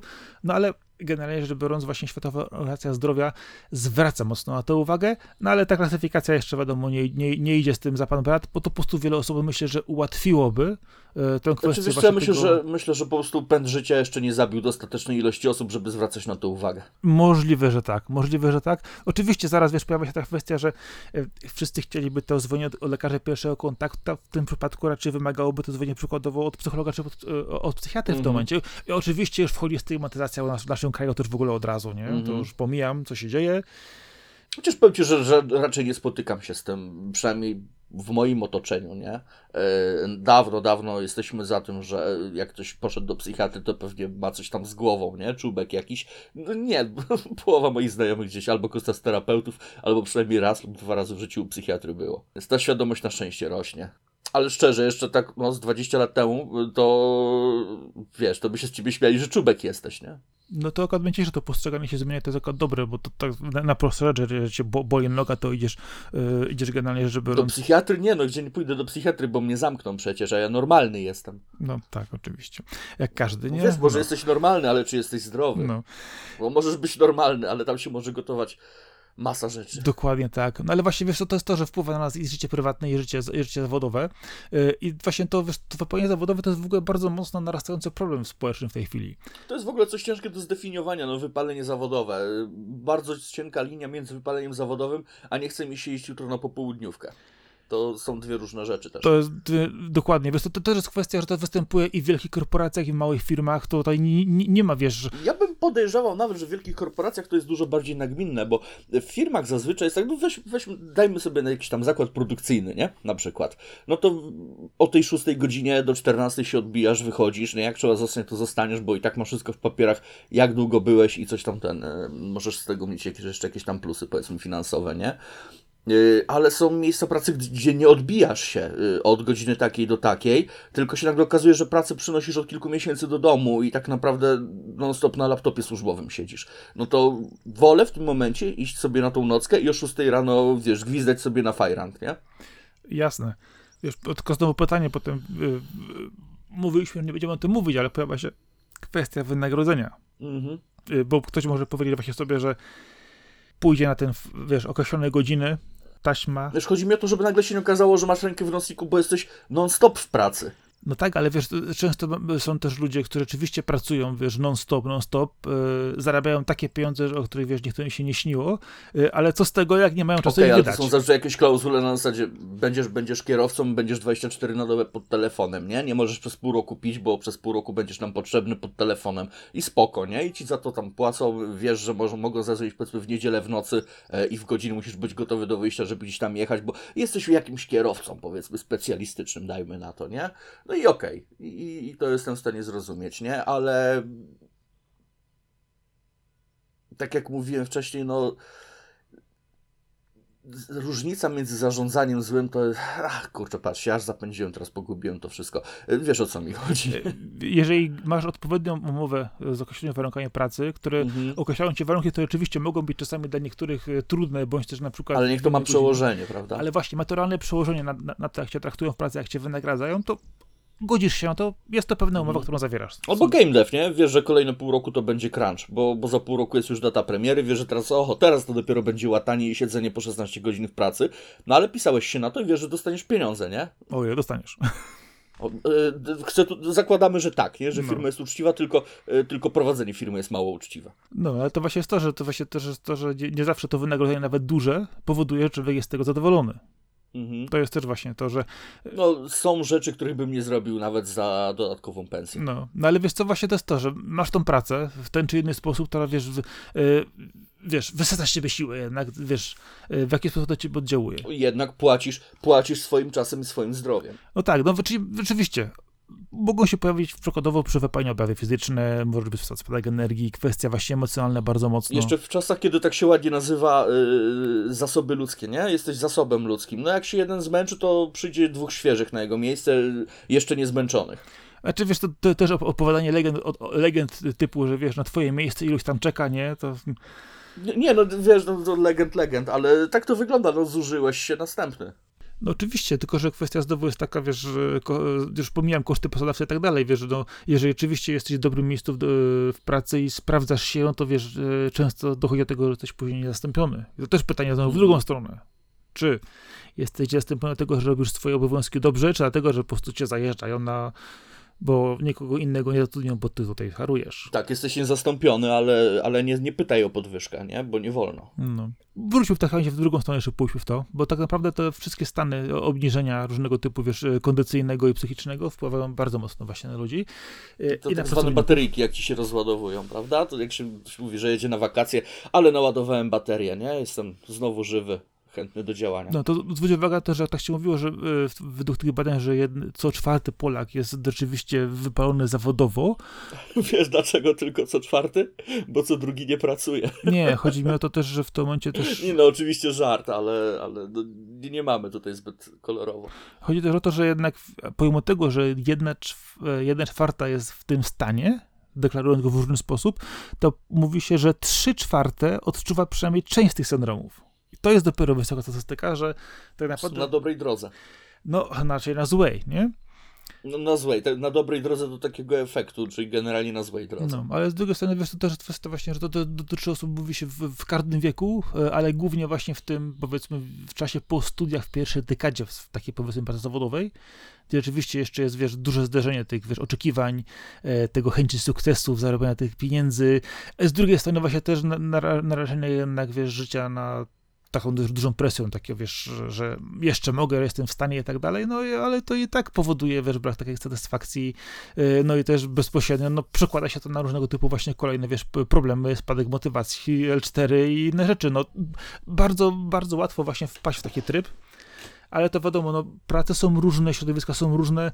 Y, ja tylko opieram się w tej chwili na, na, na tych wynikach badań, które właśnie były ostatnio przeprowadzone, że to rzeczywiście jest bardzo duży problem społeczny w Polsce na szczęście u nas rynek pracy jest jeszcze na tyle elastyczny i, i, powiedzmy, że na tyle potrzebuje się różnych ludzi w różnych dziedzinach, że raczej możemy sobie pozwolić na żonglowanie tą pracą, na, na zmienianie miejsca, ale no to też to wszystko do czasu jednak, prawda?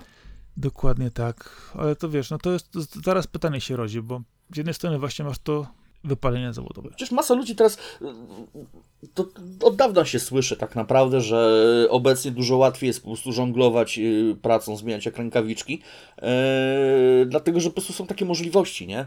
Kiedyś jak już dorwałeś pracę nie w jakimś mieścinie zabitej dechabi, gdzie jedna firma postawiła swój zakład, no to wszyscy tam pracują, bo nie ma alternatyw.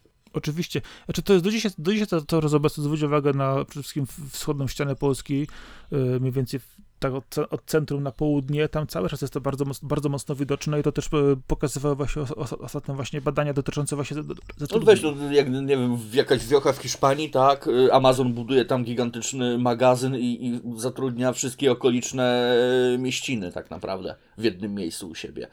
Co wcale nie znaczy, że jest super dobrym pracodawcą, po prostu ma tanią siłę roboczą, a ci ludzie nie zmienią pracy, bo, bo gdzie pójdą, do, do kogo pójdą, jeżeli to jest jedyne miejsce zatrudnienia y, na, na, na, cały, na cały region. No, dokładnie, wiesz, to, to też obecnie jest w wielu miejscach w Polsce. Tak jest pełno, nie? Tak rzuciłem o tej Hiszpanii, ale to, to w Polsce tak samo, wszędzie, absolutnie wszędzie, w każdym, w każdym kraju. No ale to prawda taka, że z czegoś trzeba żyć, jakoś trzeba pracować, dobrze, dobrze jeżeli uda się pogodzić e, trochę, wiesz, jednak tej pasji, bo taka jest prawda, e, z tą pracą, bo to dobrze, dobrze się to łączy, mówię, a kontekst właśnie tego całego wypalenia zawodowego, to wiesz, no, to jest, to, to jest, to, to jest kwestia dosyć właśnie bardzo, bardzo wielu, na, na, na, to wpływają, a niestety Polska w tej chwili, no, wiedzie prym w, tym, w tej części świata, jeżeli chodzi o, o te kwestie i nie jest to dobre, chociaż wydaje się, że pomimo tego, że rynek pracy w Polsce się polepszył, dużo rzeczy się zmieniło bardzo pozytywną stronę, to cały czas jednak... Tak, szkoda, że dopiero po tym, jak masa ludzi powyjeżdżała z kraju to też znowu, no ale wiesz, kwestia, kwestia tego, wiesz, wyjeżdżanie z kraju, zwróć uwagę, ponad dekadę temu jednak. W tej, o, mm. ostatnia dekada nie jest tak mocna, jeżeli chodzi o to, jeżeli chodzi o, o tego typu dane, to było Nie, na pewno, na pewno, na pewno minął ten boom na UK, no bo swego czasu, wiesz, do Anglii wszyscy jeździli, teraz bardziej ludzie jeżdżą, nie wiem, do Szwecji, do Niemiec, e, bardziej, bardziej te, w tą stronę. No musiałbym, musiałbym poszukać, poczytać, co dokładnie powoduje ten, i skąd właśnie, z jakich regionów ludzie wyjeżdżają. Ja ci powiem, co, co to powoduje. Jak funt dobrze stoi, to chcesz zarabiać funty. Nie, no jasne, ale wiesz, to nie, chodzi mi o to, że yy, chodzi mi właśnie o to, że to, co wspominałeś, przykładowo małe miasta, jeden duży pracodawca. Yy, mhm. Duże miasta, brak e, przykładowo stanowiska pracy do osoby z odpowiednimi kwalifikacjami. E, czy też wiele, wiele różnych innych czynników dotyczących właśnie wysokości e, wynagrodzenia, e, miejsca, w którym, wiesz, mieszkamy, dojazdów i tak dalej. No i jednak, wiesz, musiałbym poszukać badań, które właśnie pokazałyby to, kto, skąd, w jakim, w jakiej, w jakim powiedzmy mhm. procencie więcej wyjeżdża, jakie są tego powody. W tej chwili tego się nie ustosunkuję, bo nie mam tego pod ręką w ten sposób, ale na pewno takiego typu badania zostały przeprowadzone. Ja nie bym się po prostu do tego też odniósł, bo badania... na pewno jakaś reguła tam istnieje. Na pewno, powiem Ci tak, badanie badaniami, ale na przykład z mojego doświadczenia yy, z Polakami, którzy do Anglii wyjechali za zarobkiem, to powiem że to ludzie, którzy wyjechali za zarobkiem, bo naprawdę nie mieliby czego szukać w Polsce. Tam czasami widziałem wręcz wtórny analfabetyzm, także no nie wiem, nie wiem ale na pewno, że wyjechało świetnych, masa, masa świetnych fachowców, bo na przykład leczyłem się tam u jednego dentysty, który był Polakiem, nie? i on tam, no, jako dentysta, wyobraź sobie, ile musiał w funtach trzepać, no on na pewno do kraju już nie wróci. No właśnie, to jest właśnie to, to, to, co mówisz, że z jednej strony masz e, ludzi, którzy po, przykładowo y, pracują na stanowiskach właśnie bardzo wysoko specjalistycznych, mm. jak i też właśnie ludzi, którzy pracują przykładowo na stanowiskach robotniczych Rzeczywiście... Ale wiesz to nawet, to nie wiem jak to teraz wygląda, ale kiedyś faktycznie też nawet tak było, że do remontu to się brało Polaka. Polak ci zrobi, Polak ci tak gładź położy, że nikt w Brytanii tak nie potrafi, nie? No. I taka była prawda, no, wiesz, także specjaliści to specjaliści, to jest jedno, ale też miałem okazję właśnie, przykład, kiedy zakładałem konto w banku, pani mi powiedziała, że ona by chciała, że, żeby każdy miał taką znajomość języka angielskiego jak ja, bo ludzie przychodzą mi palcami, pokazują i to jest dopiero smutne. Wiesz co, to, to że na zachodzie Polak jest dobry pracownikiem, to myślę, że jest e, faktem. Hydraulik? Najlepszy z Polski. Gładzie, żeby położyć? Polak. Ma ci postawić ścianę? Polaka bierz, nie? Odmalować chatę? Polak ci załatwi. Zrobi tanio i dwa razy szybciej, nie? Tylko weź, no, tak. Tak, tylko weź pod uwagę jeszcze jedną rzecz. W tle tego wszystkiego stoi to, że w Polsce przed laty było bardzo dobre szkolnictwo zawodowe. Tak. którego w tej chwili nie ma. Przecież zawodówki do tej po- zawodówki, zawodówki jeszcze do tej pory się trzymają, nie? No nie, nie, wiem, jaki jest jest problem właśnie nauczenia, ilu, ilu ich... to- Inaczej, powiedzieć tak, zawodówki jako y, instytucja, jako funkcja, jako szkoły, jak najbardziej istnieją. Jest chociażby kilka u mnie w mieście, nie? Nadal. Mimo, czyli, czyli jakieś zapotrzebowanie musi być, jeżeli tam wciąż ludzie chodzą. Ale też ile z tego ludzie wynoszą, to też jest jeszcze inna kwestia. Wiesz co, kwestia jest Także też... na pewno istnieją. Pytanie, ile dają. Znaczy kwestia jest taka, że jest, jest coraz za mało. Cały czas właśnie problem z tym, bo to akurat wiem, bo czytałem o, o tym jakiś czas temu, jest czas za mało. Jest za niskie w tej chwili poziom kształcenia, jest zbyt problematyczne to właśnie. Yy, Kiedyś właśnie tak szkolnictwo zawo- zawodowe w Polsce było bardzo dobrze rozwinięte. Mnóstwo szkół tego typu zostało w, na początku XXI wieku zlikwidowane i to właśnie jest ten problem. Sam jestem po technikum mechanicznym, nie? No to, to jest szkoła zawodowa, to tylko, że trochę wyżej niż zwykła zawodówka. Jasne, ale wiesz co właśnie o to chodzi, że to jest szkoła, która daje ci od razu punkt wyjścia do zawodu, że nie, że przychodzisz Mhm. i musisz wiesz, się uczyć wszystkiego od zera, masz o tym pewne jakieś Dokładnie. pojęcie. Wiadomo, że są kwestie programowe, kwestie kształcenia, kwestie praktyk, które są bardzo różne, ale założenie jest takie, że idziesz w kierunku danego zawodu, który sobie wybrałeś w ten czy inny sposób i masz o nim jakieś pojęcie. Możesz się dokształcić, wie, wie, wiesz czego szukać, wiesz jak coś zrealizować. i- Dokładnie. Wybraj sobie jakiś kierunek, nie? Naprowadzisz się na tory konkretne. Dokładnie. Wiesz, w przypadku, e, to, mówiłeś wcześniej liceum ogólnokształcącego, czy też e, na przykład jakiegoś liceum kierunkowanego później, e, to idziesz w studia i studia cię po poziom kierunku. Oczywiście są to zupełnie różne poziomy kształcenia, zupełnie in, inna droga zawodowa. Czy ja to zawsze traktowałem w ten sposób, że szkoła średnia to jest takie e, wybranie jakby kierunku, a potem idziesz na studia, bo już się specjalizujesz dokładnie w tej konkretnej dziedzinie. Nie? Stwierdziłem, że tak, to jest to, co chcę robić, więc idę już zawęzić. Jak, jakby e, zaczynasz ogólnie, a potem zawężasz, zawężasz, zawężasz, aż trafiasz tam, gdzie chciałbyś być. Jasne, ale to właśnie jest to, że to, to są tak, wiesz, różne, różne poziomy wiesz, kształcenia, ale to jednak nie zmienia faktu, że na ten zachód ucieka i ten dentysta po Mhm. długich studiach, po specjalizacji, po I ten Seba, co nie potrafi się podpisać. E, który no- notabene kładzie, kładzie tak gładzie panie, że po prostu możesz potem jeździć na łyżwach, nie? A, no wiesz, przychodzi do pracy pijany, nie? Ale, ale gładzie robi takie, że muchy nie siadają. Dokładnie, nie ma w tym absolutnej reguły, nie ma w tym Mm. absolutnej reguły, ale coś spowodowało oczywiście, że jeden i drugi, drugi z tych e, pracowników wybrał tą drogę e, na zupełnie innym kierunku. Mhm. To wiesz, nie ma na to, wiesz, reguły, ale to właśnie też pytanie, wiesz, z jakiego miasta pochodzi przykładowo, wiesz, czy, znowu też, czy znalazł pracę w danym momencie, czy nie, czy w jakiś sposób y, swoją drogę założył, że przykładowo pojedzie gdzie indziej, gdzie, gdzie widzi swoją lepszą przyszłość. No nie ma, kurczę, wiesz, no, ludzi, ludzi i dróg zawodowych jest tyle samo, wiesz, że, nie- wiesz, co, co, co pracowników. Nie ma tu, wiesz, jednej No. reguły. No właśnie chciałem powiedzieć, że znam takich, co grzebali w silnikach, ale zostali jednymi z lepszych cukierników, no nie? Bo jednak to, to grzebali w silnikach nie przemawiało, ale już z kolei gotowanie, czy tam robienie ciast nagle, wiesz, się okazało, hej, kurczę, może bym na tym zaczął zarabiać. Ale właśnie to jest to, zobacz, zwróć zwróć uwagę, że przykładowo dochodzi do tego momentu wypalenia zawodowego w tym silniku, mechaniku, Aha. prawda?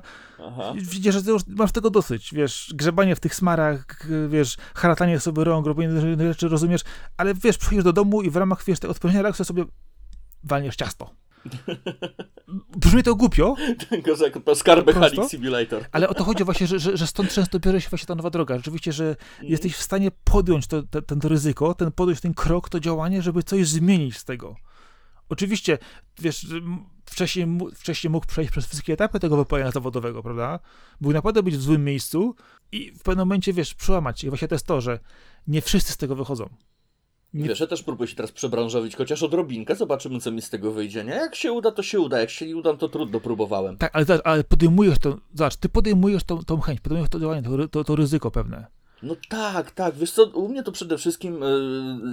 Yy, ja widzę, że moje zdrowie nie będzie wieczne, nie? Ja na pewno nie widzę siebie do końca życia. Nie mówię tam jakiejś ciężkiej pracy fizycznej- żeby nosić cegły na budowie, yy, ale ja, ja lubię fizyczną pracę, żeby coś podłubać, coś przynieść, coś zorganizować, załatwić tego porobić. Tak, lubię pracę fizyczną, kreatywną. Czyli na przykład takie magazyny są dla mnie perfekcyjnym miejscem, nie? Yy, ale ja wiem, że ja nie zamierzam spędzić tam, wiesz, do końca swojego życia, nie? I ja wiem, że moje zdrowie też mi nie pozwoli pracować w ten sposób do końca życia, więc chcę mieć zapasowy wachlarz jakichś innych umiejętności. Nie mówię takich wybitnych, żeby tam nie wiadomo jakie, jakie kokosy zarabiać, ale tak, żeby utrzymać się na powierzchni, mając alternatywę.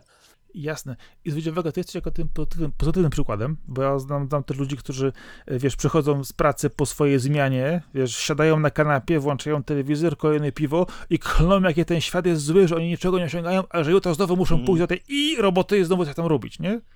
No właśnie. Zdaję sobie sprawę. Ja nadal tak klnę, ale przynajmniej, a jak wrócę z pracy, to sobie usiądę i sobie coś tam porobię jeszcze, nie? Jest a, ekscytacja, że czymś, wiesz, że, że wchodzę w coś nowego, nie? Że, że tam dłubię sobie coś nowego. To jest, to jest zawsze odświeżenie takie, wiesz, nabranie żagla, y, nabranie żagla, na, nabranie żagla na wiatr w, dłu- w długie wody. Wiesz, ja wiesz o czym mówię. Zwróć uwagę na to właśnie, że to, to, to co mówiliśmy, że e, nie zawsze to wypalenie zawodowe będzie też wypaleniem życiowym, emocjonalnym. Jeżeli rzeczywiście Dokładnie. jesteś w stanie to w ten sposób rozdzielić, to rzeczywiście przychodzisz z tej pracy i robisz coś fajnego i zdajesz sobie z tego sprawę, że jest to pewna umowa, pewne założenie, coś, coś czym się mieści w jakieś ramię, a nie, że e, po prostu no, poddajesz się. Masz tego dosyć, nic nie robisz, klniesz na wszystko, wszyscy są źli przeciwko tobie i jeszcze, wiesz, na pewno, na pewno, na pewno coś tu jeszcze się wydarzy złego, nie? No, Na pewno kiedyś nie będę mógł mieć się do siebie pretensji, nawet jeżeli wszystko mi nie wypali i nie wyjdzie, to nie powiem sobie i widzisz, było trzeba ruszyć dupę, coś zrobić, tylko sobie pomyślę, no, robiłem. Robiłem, no, zrobiłem co mogłem. Ale nie? wiesz, właśnie to- Próbowałem. No właśnie, ale patrząc właśnie na to, to, to wiesz, to wypalenie emocjonalne, już pójdźmy krok dalej może w takim razie, bo myślę, że warto by było to też pójść w, ten, w tą stronę. A, no, że, że próbowałem i co z tego? No nie tylko, ale wiesz, to, to jest coś, co dotyka jednak wielu osób właśnie, że wiesz, że czujesz, że w jakiś sposób nie jesteś, wiesz, no w stanie, nie wiem, no podołać jakimś zadaniom, prawda? Masz danego dnia coś do zrobienia w domu, okej, to robisz, wykonujesz. Przychodzisz z pracy i musisz znowu coś robić, nie? Rozumiesz?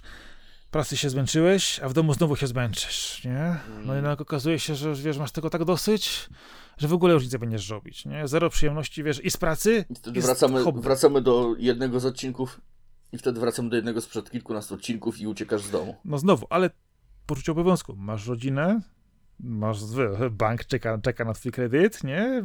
Trzeba się Mhm. utrzymać. Wiesz, ilość rzeczy, które jest związane ze sobą na tych wielu poziomach jest ogromna, nie? I co ważne, czujesz też w pewnym zakresie jednak odpowiedzialność.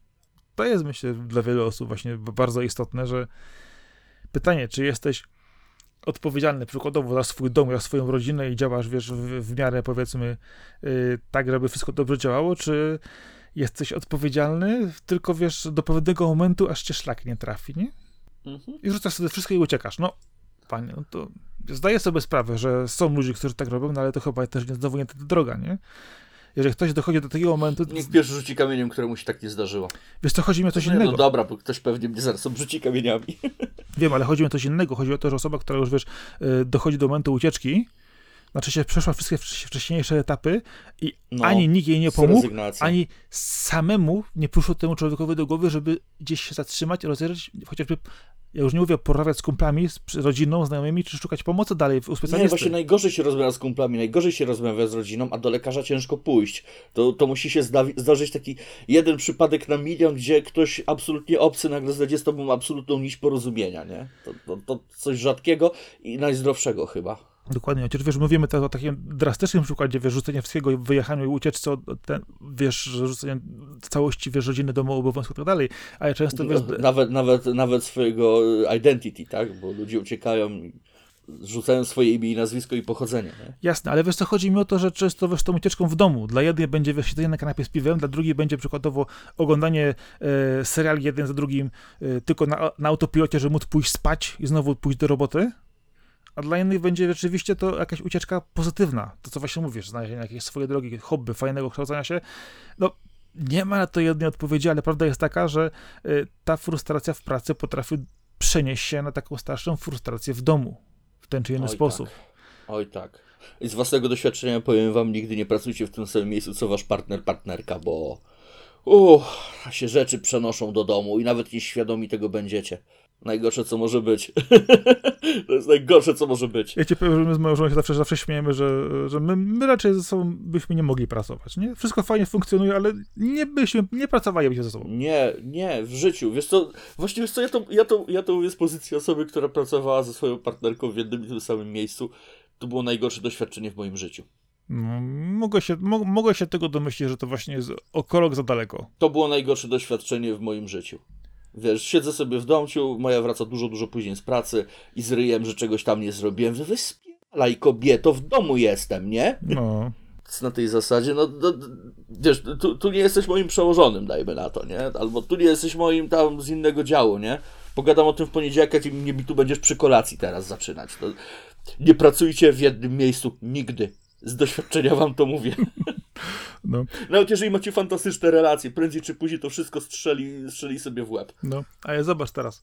E, Wyszliśmy już z tej pracy. Zakładamy negatywny scenariusz, powiedzmy, tak? Myślę, że to, to, to pozwoli nam Zawsze zakładajmy pozytywne, ale dla przykładu załóżmy negatywne. Dokładnie. Chodzi o to, chodzi o to żeby po prostu pokazać pewne e, zależności, które jednak wiesz, działają, nie? bo wiesz, przychodzisz z tej pracy, zmęczenie fizyczne. Nie? Oczywiście już pomijam, że to może doprowadzić nawet do chronicznego zmęczenia fizycznego, to jest w ogóle innym jednostką chorobową, ale to się też dzieje właśnie, że znowu śpisz ile trzeba i budzisz się zmęczony, nie? Nieważne ile wy, wypoczniesz, nie naładujesz tych baterii, nie? No to Czy śpisz 7 godzin czy 4,5, stajesz tak samo pomerdany. No. Co się zniechało. znowu, tak samo, frustracja, 7,5 godziny, chciałbym tyle się wyspać. ale znowu Wow. Ale to, to, to, to, to masz frustra, frustracja znowu. Kompletny brak motywacji, nie? Czarnowictwo, od razu. No wiesz, Wiesz. Jak, jak masz mieć motywację, jeżeli czujesz, że, że ci powieki same opadają? No to, to z czego tu się cieszyć, jaką satysfakcję czuć? No tak, ale to się przekłada od razu, wiesz, zupełnie brak entuzjazmu. A nie pójdziesz do szefa i nie powiesz, ty sorry, słuchaj, ja wracam do domu pospać jeszcze, bo, bo nie ogarniam. Idź do szefa i powiedz ty wracam do domu jeszcze pospać. No tak, no i to się potem przekłada. No dobrze, ale to, to, to tak samo i w domu, i w Myśl, pracy myślisz, przekłada jaką, jaką byś miał reakcję, gdybyś poszedł do swojego szefa i powiedział, że wracasz do domu jeszcze pospać? Co by ci powiedział? By cię wyśmiał na miejscu. A jakbyś faktycznie wstał i poszedł, to rano byś miał pogadankę, prawdopodobnie z kadrami. Wiesz, no, znowu, Taka prawda, to jest nie? jakaś umowa. Jeżeli masz jeszcze jakiś urlop, czy masz problemy zdrowotne, no to są jeszcze inne A to metody, nawet tak? ciężko być szczerym, nie? Nie No. wysypiam się, muszę pospać jeszcze trzy godziny, chcę wrócić do domu, pospać jeszcze trzy godziny. Nikt nie powiedział nigdy żadnemu szefowi. Znaczy, może ja kiedyś, kiedyś na jakimś etapie tak powiedziałem, ale nie, nie wchodźmy w detale. Nie no, okej, ale znowu, zanim dojdziesz do tego momentu, to jeszcze jest dużo innych kroków, które możesz podjąć wcześniej. Nie da położyć się spać, aha, tu biczołk jedzie. No wiesz, no ale to jest, to jest doprowadzenie się do pewnego stanu jednak. To jest dopo, Tak. wiesz, po, po, No, tak pominięcie dużo, wielu etapów wcześniej. wcześniej. To, to, jest, to jest ten syndrom niedzieli, nie? To, to jest męczenie się tym wizją tego, że, że, że za coraz mniej godzin musisz się obudzić i iść do pracy. I tak coraz mniej godzin, coraz mniej. Z 8 godzin zostało już tylko 6 godzin snu, a za chwilę 4,5. No ale to znowu przekłada się wiesz, na przewrażliwienie, różnego typu wiesz, prze, przebodźcowanie w wielu, wielu wiesz, e, sposobach, e, w wielu, wielu poziomach. Wiesz, rozdrażnienie powoduje, wiesz, złość nawet, wiesz, nie, reagu- nie współdziałasz z ludźmi, od razu się nie wkurzasz. A to też znowu, znowu brak To, wyspania. to takie memiczne, nie mów do mnie, dopóki nie wypiję kawy. No takie memy są śmieszkowe teraz, ale masa ludzi ma ten problem, że, że jest nie do życia, póki nie wypije kawy. Od rana, nawet że wypiją tą kawę, albo trzy, to nadal. Dopóki nie, nie obudzą się, dopóki jakiś, w jakiś tam swój yy, normalny rytm się nie wbiją, to to są nieznośni, wręcz, wręcz w ogóle nie da się z nimi dyskutować. Nie? To, Jasne. to nie są pojedyncze przypadki, tylko nagminne. No tak, ale znowu masz problemy ze skupieniem. Że no, Problemy- śmieszny mem, nie? Ale, ale tu jest problem, a nie, a nie śmieszny mem. No tak, ale zwróć uwagę, to się przekłada później na, wiesz, że rozdrażnienie właśnie, co mówiliście wcześniej, ten, wiesz, brak skupienia, brak uwagi, kwestia właśnie też, nie wiem, zapamiętywania, ogarniania swo- swoich spraw. Y, A co może być najgorsze w pracy? Nieogarnianie pracy. No, no właśnie, to, ale to zwróć uwagę, to co mówiliście wcześniej właśnie, to, to, to, to, co było w pracy, ale to znowu, to już się przenika w tej chwili z, z, wiesz, z życiem osobistym bardzo mocno i to działa na, na ogromnej ilości, wiesz, poziomów, tak? Tak, żeby, żeby być gotowy w pracy do, do działania i, i do sprostania wszystkim wyzwaniom, które ci rzuca od poniedziałku pod nogi, to ty musisz poświęcać swój własny, prywatny czas, żeby się do tej pracy przygotować. No, tylko zwróć uwagę, że ten stres, który tam się generuje, który się często też kumuluje, Nie powoduje... jest tego warte chyba, co? Ale to jest coś innego jeszcze. Zwróć uwagę, że to, że nie znajdujesz rozwiązania ani w pracy na te problemy, ani w swoim życiu osobistym i powoduje, że tak naprawdę idziesz od jednego do drugiego, do trzeciego, do czwartego problemu i za żadnym razem nie znajdujesz ani rozwiązania, ani odpoczynku. Mhm. To jest dopiero problem, który... I wtedy dociera do ciebie, że nawet twoje próby są bezcelowe. I to jest już najgorsze, co, może, co, co możesz w sobie wywnioskować w tej swojej malutkiej łepetynce. No, powoduje, że wiesz, powoduje to wiesz, wiesz, tego typu właśnie rzeczy, że przychodzisz do tego domu przykładowo, masz wszystkiego dosyć, jedziesz na autopilocie, robi, ro, robisz co musisz, żeby działało, a potem tylko, wiesz, robisz rzeczy odtwórcze. Zamiast rzeczywiście znaleźć sobie, nie mówię, nie, nie mówię, że musisz to robić codziennie, wiesz, żyć z pasją i tak dalej, ale dobrze byłoby co jakiś czas, w tygodniu oczywiście mówimy, chociażby regularnie, znaleźć jakieś inne zajęcie, które po, po, spowoduje, nie, nie mówię, że e, idealny, super e, zaangażowany umysłu, ale czasami nawet regularne odmurzenie się jest też dobre, żeby po prostu zresetować się. I to jest właśnie to, że e, dużo, dużo wielu, wielu różnych badań właśnie mówi o tym, że nie potrzebujesz nie wiadomo ile czasu na ten relaks, ale gdybyś na przykład był w stanie zarezerwować dla siebie pół godziny, autentycznie, większość psychologów o, o tym też mówi, że pół godziny zupełnie pozwala w tym, żeby naprawdę robić to, na co masz ochotę, bez poczucia winy, bez jakiegoś, wiesz, problemu, wydziwiania, że nie mam czasu, że nie mogę i tak dalej. Autentycznie, zrobienie czegoś do swojej przyjemności tego relaksu okazuje się rzeczywiście, że to bardzo mocno pomaga uregulować dużo rzeczy. Czy... Pół godziny brzmi jak idealny pretekst do noszenia Switcha w plecaku, żeby na pół godzinki sobie wbić jakieś Mario Karty na przykład. Dokładnie. Zobacz, ty, ty sobie pogasz na Switchu, ktoś inny... Wiesz, trzy wyścigi, pół godzinki akurat poleci, nie? Odpoczniesz, posłuchasz wesołej muzyki, patrzysz te kolorowe monetki, nie? No, ewentualnie się wkurwi na jakieś dziecko, które ci właśnie zajęło pierwsze miejsce. Wiesz co, ale też właśnie jest ta kwestia, że może to być rzeczywiście granie na konsoli, może to być dobrze pół godziny biegu, może to być też no, medytacja. Może być to, nie wiem, szkicowanie, to może być słuchanie muzyki, to może, nie wiem, zrobienie sobie przepysznej kanapki. No i to tak z pieczołowitością i, i w ogóle, nie? Taki, takie kanapeczki, ale takie, że w żadnych subwayach nie dostaniesz nic, nic tak wyposionego. I tu jest jeszcze jedna bardzo właśnie ważna rzecz, że nawet jeżeli człowiek jest zmęczony bardzo mocno, to dobrze się przełamać i, i tą regularność w sobie wypracować. Bo nawet jeżeli okazuje się czasami, że mówię, że jesteś zmęczony, ja nie mam nic, nic, nic satysfakcji, w ogóle mam wszystkiego dosyć, w ogóle mm. wreszcie się wszyscy czochrajcie. Nie, nie mam siły grać, no ale dobra, na ten, na ten jeden meczyk to znajdę siłę, bo zauważyłem, że jedną rzecz, że te takie właśnie drobne, drobne odpoczynki yy, inaczej się na nie patrzy. Jeżeli to tylko 30 minut, to, to, to potrafi odstresować, zresetować cię na sekundę. Dokładnie, a chodzi o to, że często właśnie też, jeżeli, jeżeli z tą pełną regularnością, czasami nawet mówi się z przymusem, usiądziemy do tego relaksu, to on, y, mózg pamięta, co się dzieje. I on się w tym momencie odpali w odpowiedni sposób i zacznie inaczej pracować. I okaże się po chwili, że, że 5 minut temu nam się nie chciało w ogóle nic, a w tej chwili świetnie się bawimy, bo uruchomiło się to, co się miało uruchomić. To jest banalnie proste, ale czasami też Wszystkie... banalnie trudne wszystkie osoby pracujące przy komputerach na pewno znają tą krążącą od, od 20, 30 lat, 40 lat, 50, nawet od czasu komputery są używane w pracy, yy, mantrę, że po każdej godzinie pracy, wiesz, rozprostuj się, wiesz, przeciągnij, nie wiem, pójdź sobie herbatę zrobić, 5 minut przerwy, nie? Nie gap się w monitor, zrób nie wiem, parę przysiadów, wyprostuj się, coś tam, przejdź się, nie wiem, na tego papierosa jakiś, chociaż nie, nie palcie, bo to cho cholernie słaby nauk, yy, ale wiesz, co mi chodzi, nie? Zawsze się zaleca przy pracy, na przykład przy komputerach, wstań, rozciągnij się, zrób sobie przerwę. I zaskakujące jest, ile potrafi dać właśnie takie, tak, to, takie 5 minut przy watercoolerze, nie? Tak, dokładnie tak to jest, bo po prostu rzucasz na chwilę to, to, to co się zajmujesz, robisz to no, oczywiście... Męczy cię, męczy cię, już się zaczynasz wiercić, zrób sobie 10 minut przerwy. No to... Wstań, wyjść, nie wiem, zadzwoń, zadzwoń do partnera, partnerki, pogap się przez okno albo na papierosa, nie wiem, zamów sobie coś, nie wiem, kawę jakąś y, i wtedy wróć znowu do pracy. Nie? Ale nie katuj się 7 godzin. Jak potrzebujesz wstać, bo cię dupa boli, no to wstań, bo cię dupa boli, nie? No. Ja akurat mówisz, mówisz pójdź, sobie, pójdź do to właśnie, do watercoolera. Czy ja idę do kuchni robić sobie herbatę. Mm. Widok, widok z okna mam świetny, bo mam widok prosto na katedrę poznańską, więc w ogóle mam wow, taki widok, że naprawdę... Ja bym wolał na drzewa, ale spoko. E, drzewa są po drodze, ja, spokojnie. Powiem ci tak, e, szanując zabytek, nie? gdyby patrzył się na katedrę, bym się tylko denerwował. Nie, drzewa są po drodze, fajnie, ale chodzi o to, że wiesz, ja lubię, ja lubię ładną perspektywę na przykład. Mi się wszystko tak ładnie układa, mhm. wiesz, biurko, okno, wszystko idealnie. No, ale katedra to geometria, prawda? To zawsze tak. musi działać jakoś tam w sposób kojący, bo regularność wszystkiego tam jest. Dokładnie. Ale z drugiej strony też, jak potrzebuję... Katedry muszą być bardzo kojące dla osób z OCD. No, ale na przykład powiem ci, że z tej strony potrzebuję to po stopach, idę sobie po, po na przykład czekoladę do automatu, nie? Coś innego. Na przykład.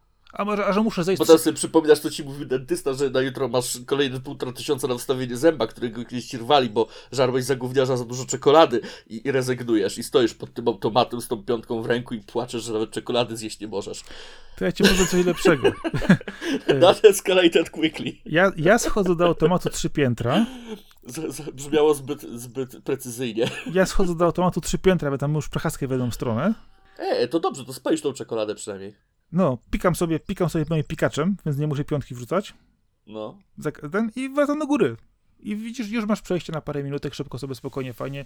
Nie dosyć, że e, czujesz się lepiej, bo coś słodkiego, trochę energii, trochę ruchu, prześ, prze, prześwie- wiesz, przewietrzysz chwilę umysłu i możesz iść dalej. No właśnie to jest to, że Mhm. na te parę minut się Na wyłączasz chwilę z tego, zdjąć myśli z tego toru na jakiś inny tor, to, to, to dużo daje odpoczynku. Bo jak wychodzisz, nie wiem, po tego batonika dalej analizujesz problem jakiś, no to, to, to problem z twoją głową tak naprawdę. Yy, no ale jeżeli wyjdziesz, nie wiem, przez te paręnaście minut zajmiesz się po prostu czymś innym, potem usiądziesz na świeżo, to bardzo często łatwo znaleźć inną perspektywę. Znaczy, kurczę, czemu wcześniej tego nie zauważyłem? Przecież cały czas tu leżało, nie? Może No. mógłbyś tą sprawę z tej czy innej strony. Dokładnie. Więc to, wiesz, sposobów to, to jest dużo. Czasami właśnie pójdziesz, pójdziesz po tego plusowego batonika do automatu To tak przykład. jakbyś próbował na siłę napisać książkę. No na siłę nigdy nie napiszesz, no musicie Wena trafić, nie wiem, w środku nocy. Wiem! Główny bohater będzie miał to albo tamto. Ojen, i nagle wszystko się klei, nie? Y, Zawodowi pisarze powiedzieliby coś, coś innego ci, ale już nie będę cię z błędu wyprowadzać. Y, Wena, wena się przydaje, ale jeżeli pisanie jest twoim zawodem, to musisz to Trzeba pisać. pisać, no to, wyrowni to wyrownictwo, no tak, no rzemieślnicza robota tak zwana, No. nie? Tak samo można tworzyć gry z pasją, a można po prostu być rzemieślnikiem i, i robić te pieprzone ławki od 10 lat, nie? W, blenderze tam czy coś. Znowu, nie, nie, ma, nie, ma, nie ma jednej rady, nie ma jednej odpowiedzi, ale e, dobrze rzeczywiście to, co mówiliśmy na początku, jeżeli w tej twojej pracy jest trochę pasji i czujesz się w niej dobrze i to kurczę fajnie działa, naprawdę. Ja to mówię doświadczenia, że to kurczę fajnie działa, jak robisz rzeczy, które wiesz, zawsze cię pasjonowały. Może nie robisz tego absolutnie, wiesz, pod tym kątem, że wiesz, absolutnie twórczo pod swoim kątem, ale robisz to twórczo względem właśnie na, miejsce, gdzie się znajdujesz i to naprawdę dobrze fajnie działa. Ja jestem naprawdę z tego zado- zadowolony, ale mówię, kosztowało mnie to 10 lat. Mm. No więc to O. jest. Czy tylko? Czy na pewno tylko? E, Pomijam wcześniejsze miejsca, pra- miejsca pracy, oczywiście, nie? No, no nie mówię o, o kosztach w latach, ale kosztach w zdrowym rozsądku. No właśnie to jest też to, że e, ja przychodząc z generalnie rzecz biorąc z pracy, to mam swoje pasje, mam swoje zajęcia, chociaż wiem, że czasami znajduję się w strasznym momencie Tak, emocjonalnym. przychodzi na nasz grupowy czat pomarudzić, że nie masz co grać albo coś tam. Tak, chociaż sobie zdaję z tego sprawę, że też, też miewam gorsze okresy, też miewam takie chwile rzeczywiście, że przychodzę, przychodzę i mam po prostu wszystkiego serdecznie dosyć. Jak wszyscy. Jak wszyscy, tylko właśnie, Nie, nie jesteś wyjątkiem, nie? Nie, No. nie czuj się tutaj w żaden sposób wyjątkowy, ma to każdy, absolutnie każdy. tylko znowu przychodzę do pewnego moment, momentu jednego. Jeżeli to jest sporadyczne, to jest okej, powiedzmy, to jest normalna część bycia, bycia, powiedzmy, człowiekiem, tak? Natomiast jeżeli jest to stan, który się przedłuża permanentnie, to jest problem. I to rzeczywiście, tak mówiliśmy zawsze, idźcie do specjalisty, żadnej stygmatyzacji, niczego, brać się Weź już już. przestań, przestań z tym idźcie, brać się i tak dalej, bo myślę, że raz już powiedzieliśmy i dotarło, a w tej chwili zaczynam brzmieć jak dobrze, tato, nie? Wiesz co, ja, ja znam osoby, które rzeczywiście znajdowały się w takim momencie, w takim miejscu, Pamiętaj, im- bardziej naciskasz, tym od, odwrotny skutek to yy, odnosi. Y, Nie, ale chodzi o to właśnie, że znowu, ludzie reagują różnie. Są tacy, którzy, wiesz, y, posłyszą raz i pomyślą logicznie, dobrze, rozumiem, pójdę, a są osoby, które są już tak daleko posunięte w tym stanie, że wykazanie jakiejkolwiek aktywności powoduje negację. Od razu. Łącz, łącz się z tym, że ma sobie zrobić, iść, y, zrobić sobie, przykładowo, iść zrobić kawę, tak? I on nie pójdzie sobie zrobić tej kawy. Znam takie osoby. Rozumiesz?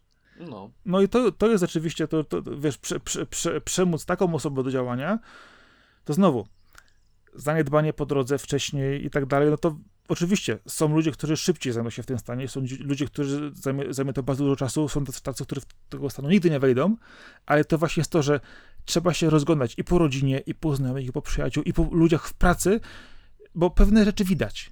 Naprawdę, pewne rzeczy widać. Oczywiście ktoś teraz powie, że się wpierdzielasz w moje życie, bo ty nic nie wiesz, bo tak dalej, ale znowu ta frustracja też skądś się u niego bierze, czy u niej, prawda? Mm.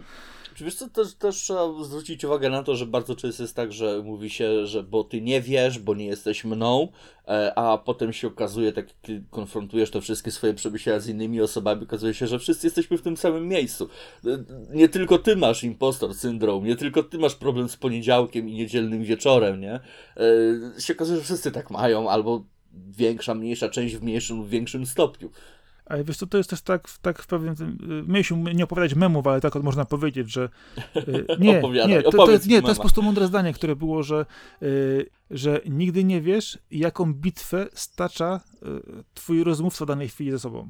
No. To jest, wiesz, to kwestia takiego, wiesz, podejścia odpowiedniego szacunku, że oczywiście wszyscy mają problemy, wszyscy borykają się Jest to prawda, tylko zauważ, że zawsze problem jest, twój jest największy, nie? W twojej głowie zawsze to twój jest największy, dlatego, że nie jesteś kimś innym, no, proste. Oczywiście, tylko że jeszcze jest inna kwestia. E, Nie każdy potrafi z tym problemem wyjść na zewnątrz, uzewnętrzyć się. Jedni się będą z nimi zmagać do końca swojego życia, nigdy go nie rozwiążą, a inni na przykład w pewnym momencie stwierdzą, że kurczę, może rzeczywiście warto z kimś o tym pogadać. Pogadać z jedną osobą wyśmieje, druga, druga, druga skwituje, haha, ja mam gorzej, albo tak dalej, ale wiesz, za któryś razem może rzeczywiście trafi na odpowiedniego rozmówcę, który powie mu, ej, ale zobacz, to można w ten sposób. I da się, da się Trze- czasami. trzecią, czwartą, piątą, ósmą, dwunastą osobę zastrzeli i stali się nagle najsłynniejszym seryjnym mordercą w swoim kraju, nie? Wiesz. Zawsze, jeżeli czujesz się bezużyteczny, pamiętaj, że możesz zawsze być y, przykładem, kim nie zostawać. No Oczywiście. No wiesz, tylko że kwestia właśnie jest tego, że no, wiesz, wszystko sprowadza się na końcu do tego, że jesteśmy po prostu zmęczeni, tak? Tak. Jesteśmy po prostu zmęczeni. Czy to pracą, Jesteśmy, czy to no, życiem. No, taki pęd życia, no takie są wymagania, No. takie są warunki. No i właśnie, Musimy zawsze, nadążać albo odpadamy. no ale znowu, brakuje nam zawsze tego czasu i miejsca na wypoczynek, nie?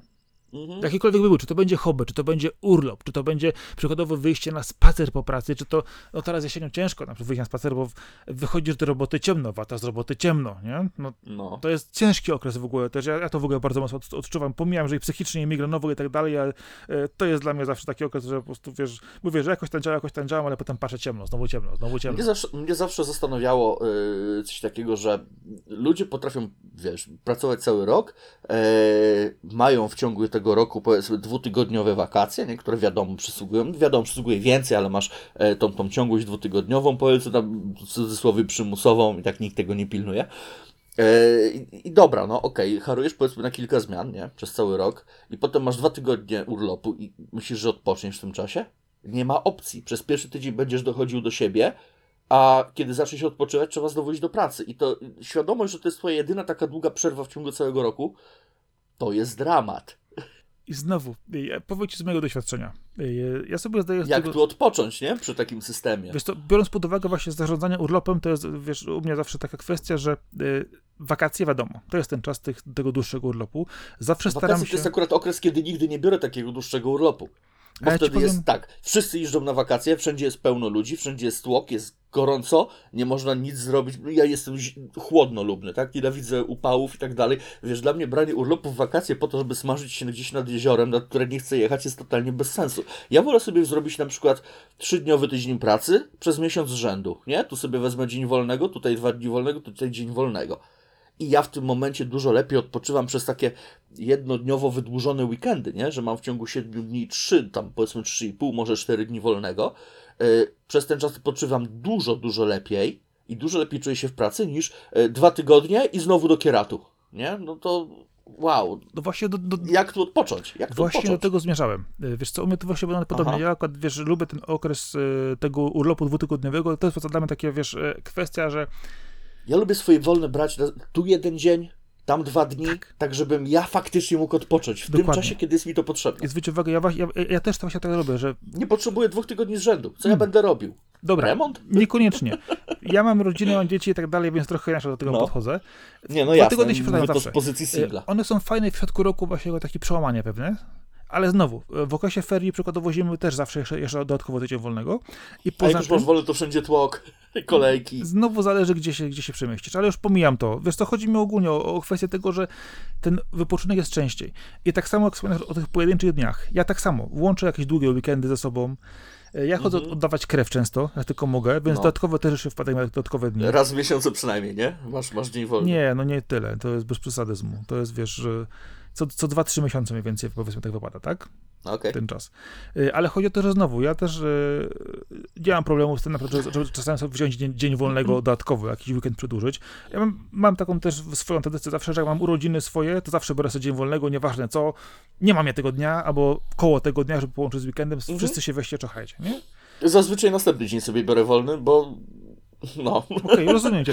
W, tygo, w tygodniu to wiadomo, nie ma sensu, no bo nawet nie zrobisz sobie żadnej imprezy urodzinowej, no bo też musisz patrzeć na to, czy, czy spędzisz to, ten czas z ludźmi, którzy też będą wtedy mieli czas, bo może nie będą mieli czas, więc zawsze się z takimi okazjami celuje w ten, w jakieś weekendy czy coś, nie?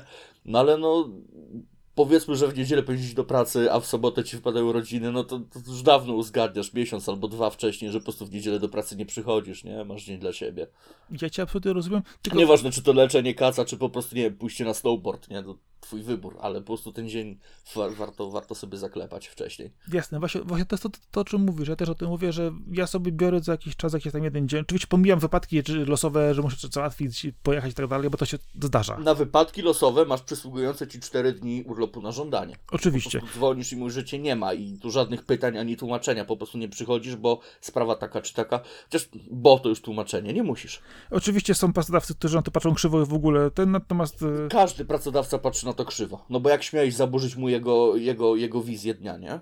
Ale no, nie, jesteś, nie jesteś automatem, no. Zresztą automaty też potrafią, no. Wysypią ci się czujniki i, i dupa, nie? I dopiero we wtorek będą nowe. No wiadomo.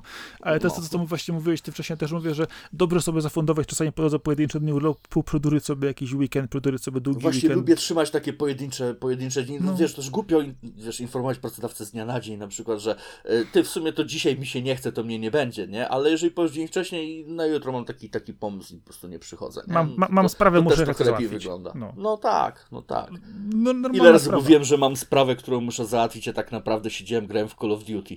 Dokładnie. Nie? Bo, tego, bo to mi było potrzebne. Pracodawca nie musi wiedzieć, co ja mam wtedy do zrobienia, coś miałem do zrobienia, nie jego sprawa. Ale też właśnie to jest ta kwestia, że też mi się czasami nawet zdarzało brać e, dzień na przykład wol, e, wolnego z jakiegoś powodu w środku tygodnia i też fajnie, fajnie dzieliło Tak. to, było złapanie oddechu. Oczywiście. I to właśnie jest to, że trzeba się w jakiś sposób, no kurczę, szanować też. Taka jest prawda. No. Jeżeli masz dobre środowisko pracy i fajnie to działa, to nie ma z tym problemu. Jeżeli masz trochę gorsze środowisko pracy, no to kurczę, masz do tego też prawo. Oczywiście podejmujesz, yy, musisz zdawać sobie sprawę zawsze z tego, że e, są tego jakieś konsekwencje, jeżeli masz złe środowisko pracy. Jeżeli masz dobre środowisko pracy, wszystko dobrze działa, to to, że nie macie jeden dzień dodatkowo gdzieś tam, to nie robi nikogo różnicy, bo wszyscy wiedzą, można na to polegać, dobrze to działa, jest fajnie, tak? Ale z drugiej strony, no, wszyscy musimy pamiętać o tym, że praca nas bardzo obciąża. Mówi się o tym właśnie, że no, y, pracujemy po to, że, żeby żyć, a nie żyjemy po to, żeby A- A nie pracować. mówi się, że, u, że uszlachetnia? Bo mówiło się kiedyś też, że praca uszlachetnia, ale to nie każda praca i nie każdego. No, ale to właśnie jest to, że jeżeli dochodzimy do takiego momentu rzeczywiście, że praca nas frustruje, praca powoduje, że się w żaden sposób nie realizujemy i przelewa się to na nasze życie prywatne, że niszczy nam to po prostu też samopoczucie, zniszczy nam to czas wolny, to czasami naprawdę warto się zastanowić nad tym, czy pracę zmienić. Oczywiście, znowu pojawia się element ryzyka, element zagrożenia, e, czy mi się uda, czy pójdzie dalej, czy to będzie lepiej, czy gorzej i tak dalej. No, takie jest życie. Niestety, no, aby to brutalnie nie brzmiało, oczywiście, strasznie to upraszczamy teraz, no ale no, y, albo będziemy stać w miejscu czasami i się zamartwiać i umartwiać wręcz, albo po prostu terapią szokową pójdziemy dalej. Może się rzeczywiście uda. I w większości przypadków właśnie to się udaje. I oby tak było. Trzymamy kciuki za wszystkie zmiany pozytywne. Dokładnie, więc etapy, y, które wiążą się z wypełnieniem zawodowym, można sobie znaleźć w internecie, poczytać trochę, zobaczyć, czy rzeczywiście kogoś to się nie pojawia. Zmęczenie? Wiesz co, też bym, też bym sugerował nie czytać sobie etapów i tak dalej, bo zaraz zaczniemy się szufladkować albo e, próbować sobie dopisywać pod siebie. Po prostu jeżeli czujecie, że coś jest nie tak, że coś was męczy, że coś wam nie daje satysfakcji, to wtedy zastanówcie się, czy na pewno chcecie to robić, a może macie furtkę jakąś, może macie alternatywę, a może, nie wiem, jakiś wasz kolega coś tam bąkał, że można by było spróbować coś robić razem, zamiast chodzić i pracować dla kogoś. Dokładnie, a może... Zastanówcie się nad tym, bo może, może coś leży obok, tylko nie wiecie, że można po to sięgnąć. Albo za bardzo wpadliście w jakąś rutynę, co jest w ogóle już najgorszą To rzeczą. ja ci podam przykład jeszcze u mnie, jaki był w kiedy łączyły się u mnie różne jednostki w pracy, dano lu- ludziom szansę, y, że mogli pójść do innego działu i robić coś zupełnie innego. Mhm. Nikt nikogo nie trzyma, tak? Możesz, możesz się tutaj przenieść, przebranżowić, zrobić coś innego. Dokładnie. Czasami jest tak rzeczywiście, że można zapytać pracodawcę, to znaleźć to rozwiązanie, a innym razem okazuje się, że przykładowo pracodawca sam mówi, zobaczcie, może sprawdzicie się gdzie indziej, może chcecie coś innego zrobić i mnóstwo ludzi się poprzenosiło, pozmieniało miejsca i okazało się, że świetnie czuły się w tym miejscu, pomimo tego, że nikt, nikt nie podejrzewał, że w, nie mówi, że wcześniej było im źle czy ten, tylko znajdzie się w nowym miejscu, rozwinęli się w jakiś sposób, zmienili coś i poszli do przodu i bardzo fajnie to właśnie działa. Oczywiście, nie każde miejsce pracy to oferuje, ale czasami... Najczęściej słyszałem w game devie o takich historiach, że ktoś, y, ktoś nie nadawał się na stanowisko, na którym pracował, po czym nagle dostał y, scenariusz do zrobienia i okazuje się być jednym z najlepszych scenarzystów, bo niepotrzebnie zajmował się story, ten, y, grafiką, kiedy powinien robić storyboardy, nie? Ja tak samo miałem przed osoby, które przykładowo pracowały w jakiejś e, e, jednej jednostce i poszły na przykład do zupełnie innego działu w innym miejscu i okazało się, że po prostu im to pasuje, świetnie, to jest, Albo- bo, same to wybrały. Wiesz, Też daleko nie szukając paru muzyków, którzy, wiesz, myśleli, że a, będę grać na gitarze, będzie super, potem założyli zespół, okazało się, w sobie gitarzystów im wystarczy, to spróbują na perkusji i są jednym z lepszych perkusistów w ogóle, nie? Bo się okazało, że tak to nie gitara, a perkusja to było to, czego szukali w życiu. no tu akurat praca bardziej, wiesz, zdecydowanie twórcza, no ale... Przykład, nie? Taki, tak jest. tak, takich, takich, rzeczy, takich rzeczy jest masa, nie? Że, że nagle się okazuje, że nie to chciałeś robić w życiu, właśnie odkryłeś, co chciałeś robić w życiu. No. Prawda jest taka, że y, pomimo frustracji, pomimo, pomimo często zmęczenia, pomimo tego też odpowiedzialności za pracę, i za rodzinę i tak dalej, no bo to mnóstwo elementów ze sobą to po prostu działa, to warto czasami oczywiście się zastanowić, czy w miejscu, gdzie się męczymy, gdzie się nie realizujemy, odpowiednio wcześnie spojrzeć na to, co robimy, czy możemy to na przykład wcześniej naprawić, wcześniej zmienić. Oczywiście nie mówimy o drastycznej zmianie pracy, ale przykładowo opowiadanie czasami z przełożonym zakresu obowiązków. Bo to też czasami okazuje się, że można przykładowo twój kolega weźmie to, ty weźmiesz tamto, mała, mała prosta zmiana i okazuje się, że nagle to zaczyna działać.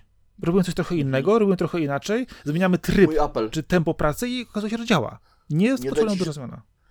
Nie dajcie zaszufladkować się jako zasób, bo zasób ludzki to jest coś, co spędza sens powiek. Nie dajcie się zaszufladkować jako zasób ludzki. Oczywiście, y, tak naprawdę, wiesz, y, w oczach pracodawcy każdy nas jest zasobem, y, jakby to brutalnie nie Mhm. brzmiało, ale no, kwestia właśnie znowu też y, działu HR, który, wiesz, y, będzie nazywać cię, wiesz, pracownikiem, czy będziecie nazywać właśnie zasobem. Nie, to już jest... E, Dla HR-u zawsze jesteś zasobem. Pamiętaj, HR nie jest twoim e, przyjacielem. HR jest ręką twojego pracodawcy. Ale z HR-em trzeba mieć dobry układ, trzeba je jednak szanować i, i, wiesz, dobrze podchodzić. No. No trzeba, albo z pracy wylecisz, nie? E, Pamiętaj, HR nie jest twoim przyjacielem. Nigdy, nawet prywatnie. No, dobra, y, okej, niech ci będzie. Bo w pracy i tak będzie, no, nieważne, że, że, że, że to jest twój najlepszy przyjaciel. Jeżeli w pracy w Excelu mu wyjdzie, że macie zwolnić, to cię zwolni bez mrugnięcia okiem. Mam trochę inne doświadczenie, inne podejście, ale okej, rozumiem cię. No tak to działa, kiedy się zajmujesz masami, a nie jednostkami, tak? Jesteś statystyką, a nie jednostką. Ale prawda jest taka, że na wielu, wielu poziomach, w wielu miejscach można y, próbować zmienić tą swoją y, pracę, czy frustrację związaną z nią. Jasne, tylko ostrożnie. Oczywiście, właśnie trzeba zrobić to z głową. Albo odpowiednio szybko, odpowiednio wcześnie, żeby zrobić to łagodniej, y, albo niestety czasami trzeba stanąć przed y, dużym wyzwaniem i po prostu diametralnie zmienić wszystko. Wiadomo, ludzie są różni, problemy są różne, e, prace są też różne. E, Oczywiście można zarabiać ogromne pieniądze i nadal być z pracy niezadowolonym, można zarabiać też mało e, i być z pracy po prostu trzeba ogromną satysfakcję. Nie ma jednej drogi, ale kwestia właśnie jest taka, że w momencie, kiedy czujecie, że coś jest nie tak, że praca wam nie sprawia przyjemności, że coś nie funkcjonuje tak dobrze, to spróbujcie to naprawić. Albo swoje podejście w jakiś sposób bardzo, bardzo prosty, możliwe po prostu zmiany jakiegoś elementu w swoim otoczeniu, albo oczywiście rozmowę z odpowiednią osobą, no albo na końcu oczywiście pójść gdzieś indziej i tego się, co ważne, nie bać. Bo to jest, Nie ma się co męczyć. no, ale właśnie to jest to, że dużo osób boi się tej zmiany, boi się tego podejścia, yy, zrobienia czegoś. Ja czasami wiem, wiem, tak mam, odkładam coś na później, wiesz. Nie chcę się tego dzisiaj zrobić. Nie, nie, dzisiaj nie, nie, nie, nie lubię tego. To wiesz co, jutro, pojutrze. I nagle coś okazuje się, że minęły dwa tygodnie. Każdemu się zdarza, nie? No, niektórym się zdarza lata. To po, pomijam, pomijam to, ale chodzi o to, że ta czynność, którą chcieliśmy robić, zajmuje nam 5 minut. Nagle robimy to i tak jest takie totalna satysfakcja. Ej, zrobiłem to, nie mam tego problemu. E, można było szybciej, nie? Tylko dlaczego zajęło cię to, to dwa tygodnie, a nie wcześniej dwie godziny na przykład? No właśnie. I to można, można spróbować przenieść na, na wiele, wie- wiele wiele innych, y, wiele innych miejsc, wiele innych poziomów i najlepiej, żeby dostrzec w miarę szybko, jeżeli coś się dzieje nie tak i pójść w tę dobrą stronę, bo wiadomo, można pójść później do specjalisty, można pójść do nowego pracodawcy, można borykać się z tymi problemami też w życiu osobistym później, jeżeli za bardzo pozwolą im za daleko wyjść, ale no, kurczę, rozejrzyjcie się po ludziach w pracy. Macie i kolegów w pracy, macie i przyjaciół poza pracą, macie też y, rodziny, macie też różnych znajomych. Y, dużo przykładów, które można czerpać i czasami naprawdę e, może to źle zabrzmi, ale porównując się czasami do kogoś innego, czy ktoś, ale pozytywnie, czy ktoś się sprawdził ze zmianą, a nie, że ktoś zarabia więcej, czy robi inną robotę i tak dalej, bo to niekoniecznie No dobrze. nie, takie porównywanie wpędza tylko w kompleksy. Jak Dokładnie. Się z niektórymi znajomymi porównać, to o wow. nie dla psa kiełbasa. Ale właśnie szukanie tego pozytywnego przykładu dla zmiany, rzeczywiście, że coś wynikło z niedobrego, jest chyba, jest chyba dobrym motywatorem i wydaje mi się, że y, warto po prostu spojrzeć czasami też po prostu na siebie i na innych, że y, praca naprawdę dobrze zorganizowana, dobrze, e, dobrze powiedzmy zgrana, daje dużo przyjemności, a jeżeli nie, no to nic nie stoi na otworze, żeby tak było w innym miejscu. To co, tym optymistycznym zawijamy do brzegu. Tak jest. Gdzie nas można znaleźć? Można nas znaleźć na pewno na Spotify, można nas znaleźć na YouTubie, można nas znaleźć w każdej aplikacji podcastowej. E, coś tam czasami skrobniemy na e, Instagramie, czasami skrobniemy coś na Facebooku. Gdziekolwiek wygooglacie kuchenne rozmowy, to prawdopodobnie traficie na nas. Dokładnie tak. E, I proszę się nie przerażać, aby czasami nam się zdarzyło jeszcze jakaś nieregularny, regularność z różnych powodów. E, Na pewno postaramy się być zawsze regular, regularnie, chociaż ostatnio bywało to różnie. Różnie bywa. I tak bardzo długo zachowywaliśmy regularność, nie? Taką tak naprawdę stricte dwa tygodnie, nie? Bam, bam. I przez ponad półtora roku chyba nam tylko dwa razy wypadło nagrywanie. Dokładnie tak. Także, że odłożyliśmy na dłużej. No, ostatnio no zdrowie nie zachęca. No. Dzisiaj też tak grane troszeczkę z takim drapaniem w gardle. Nie wiem, czy słyszeliście, ale trochę gdzieś tam mi gluty spływały. Smacznego, jeżeli jecie akurat jakąś kolację. No. Ale daliśmy radę, także będziemy wracać. Więc jeżeli czasami gdzieś znikniemy na chwilę albo przedłuży się coś, to spokojnie będziemy. No, postaramy się, żeby to były dni, a nie tygodnie, ale e, jak najbardziej e, na czas. E, A wiadomo, że też różnie to bywa. Idzie okres świąteczny, więc na pewno będzie bardziej burzliwie, e, jak to wszędzie zawsze wokoło. Oj tak, to na pewno. Teraz będzie troszeczkę zamieszania z tym, z tym wolnym czasem. Więc e, postaramy się być zawsze na czas. Jak nie, jak nie, to będziemy chwilę później, ale będziemy. Mhm. Zresztą będziemy gdzieś tam właśnie na socjalkach informować, więc każdy, komu zależy, na pewno znajdzie informacje, co się z nami dzieje. Dokładnie. Dlatego taki, taki w ogóle, jak ładnie się tutaj na sam koniec zabezpieczamy, w razie gdyby nam znowu nie wyszło, będziemy dbać o regularność. Tak jest, dokładnie. E, Czyli ze mną dzisiaj był Darek Szymański, czyli Topesz.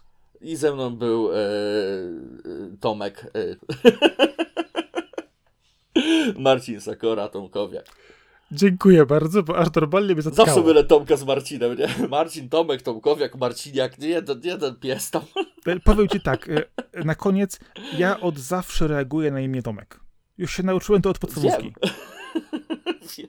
Byłem tyle razy mylony, że na to imię reaguję normalnie. Wiem, wiem. No, widzisz, my się znamy troszeczkę lat już, ale zawsze, zawsze, zawsze Tomek z Marcinem. I tak wiem, że będziecie wiedzieli, o kim mówię. Tak jest. I to były kuchenne rozmowy numer 43.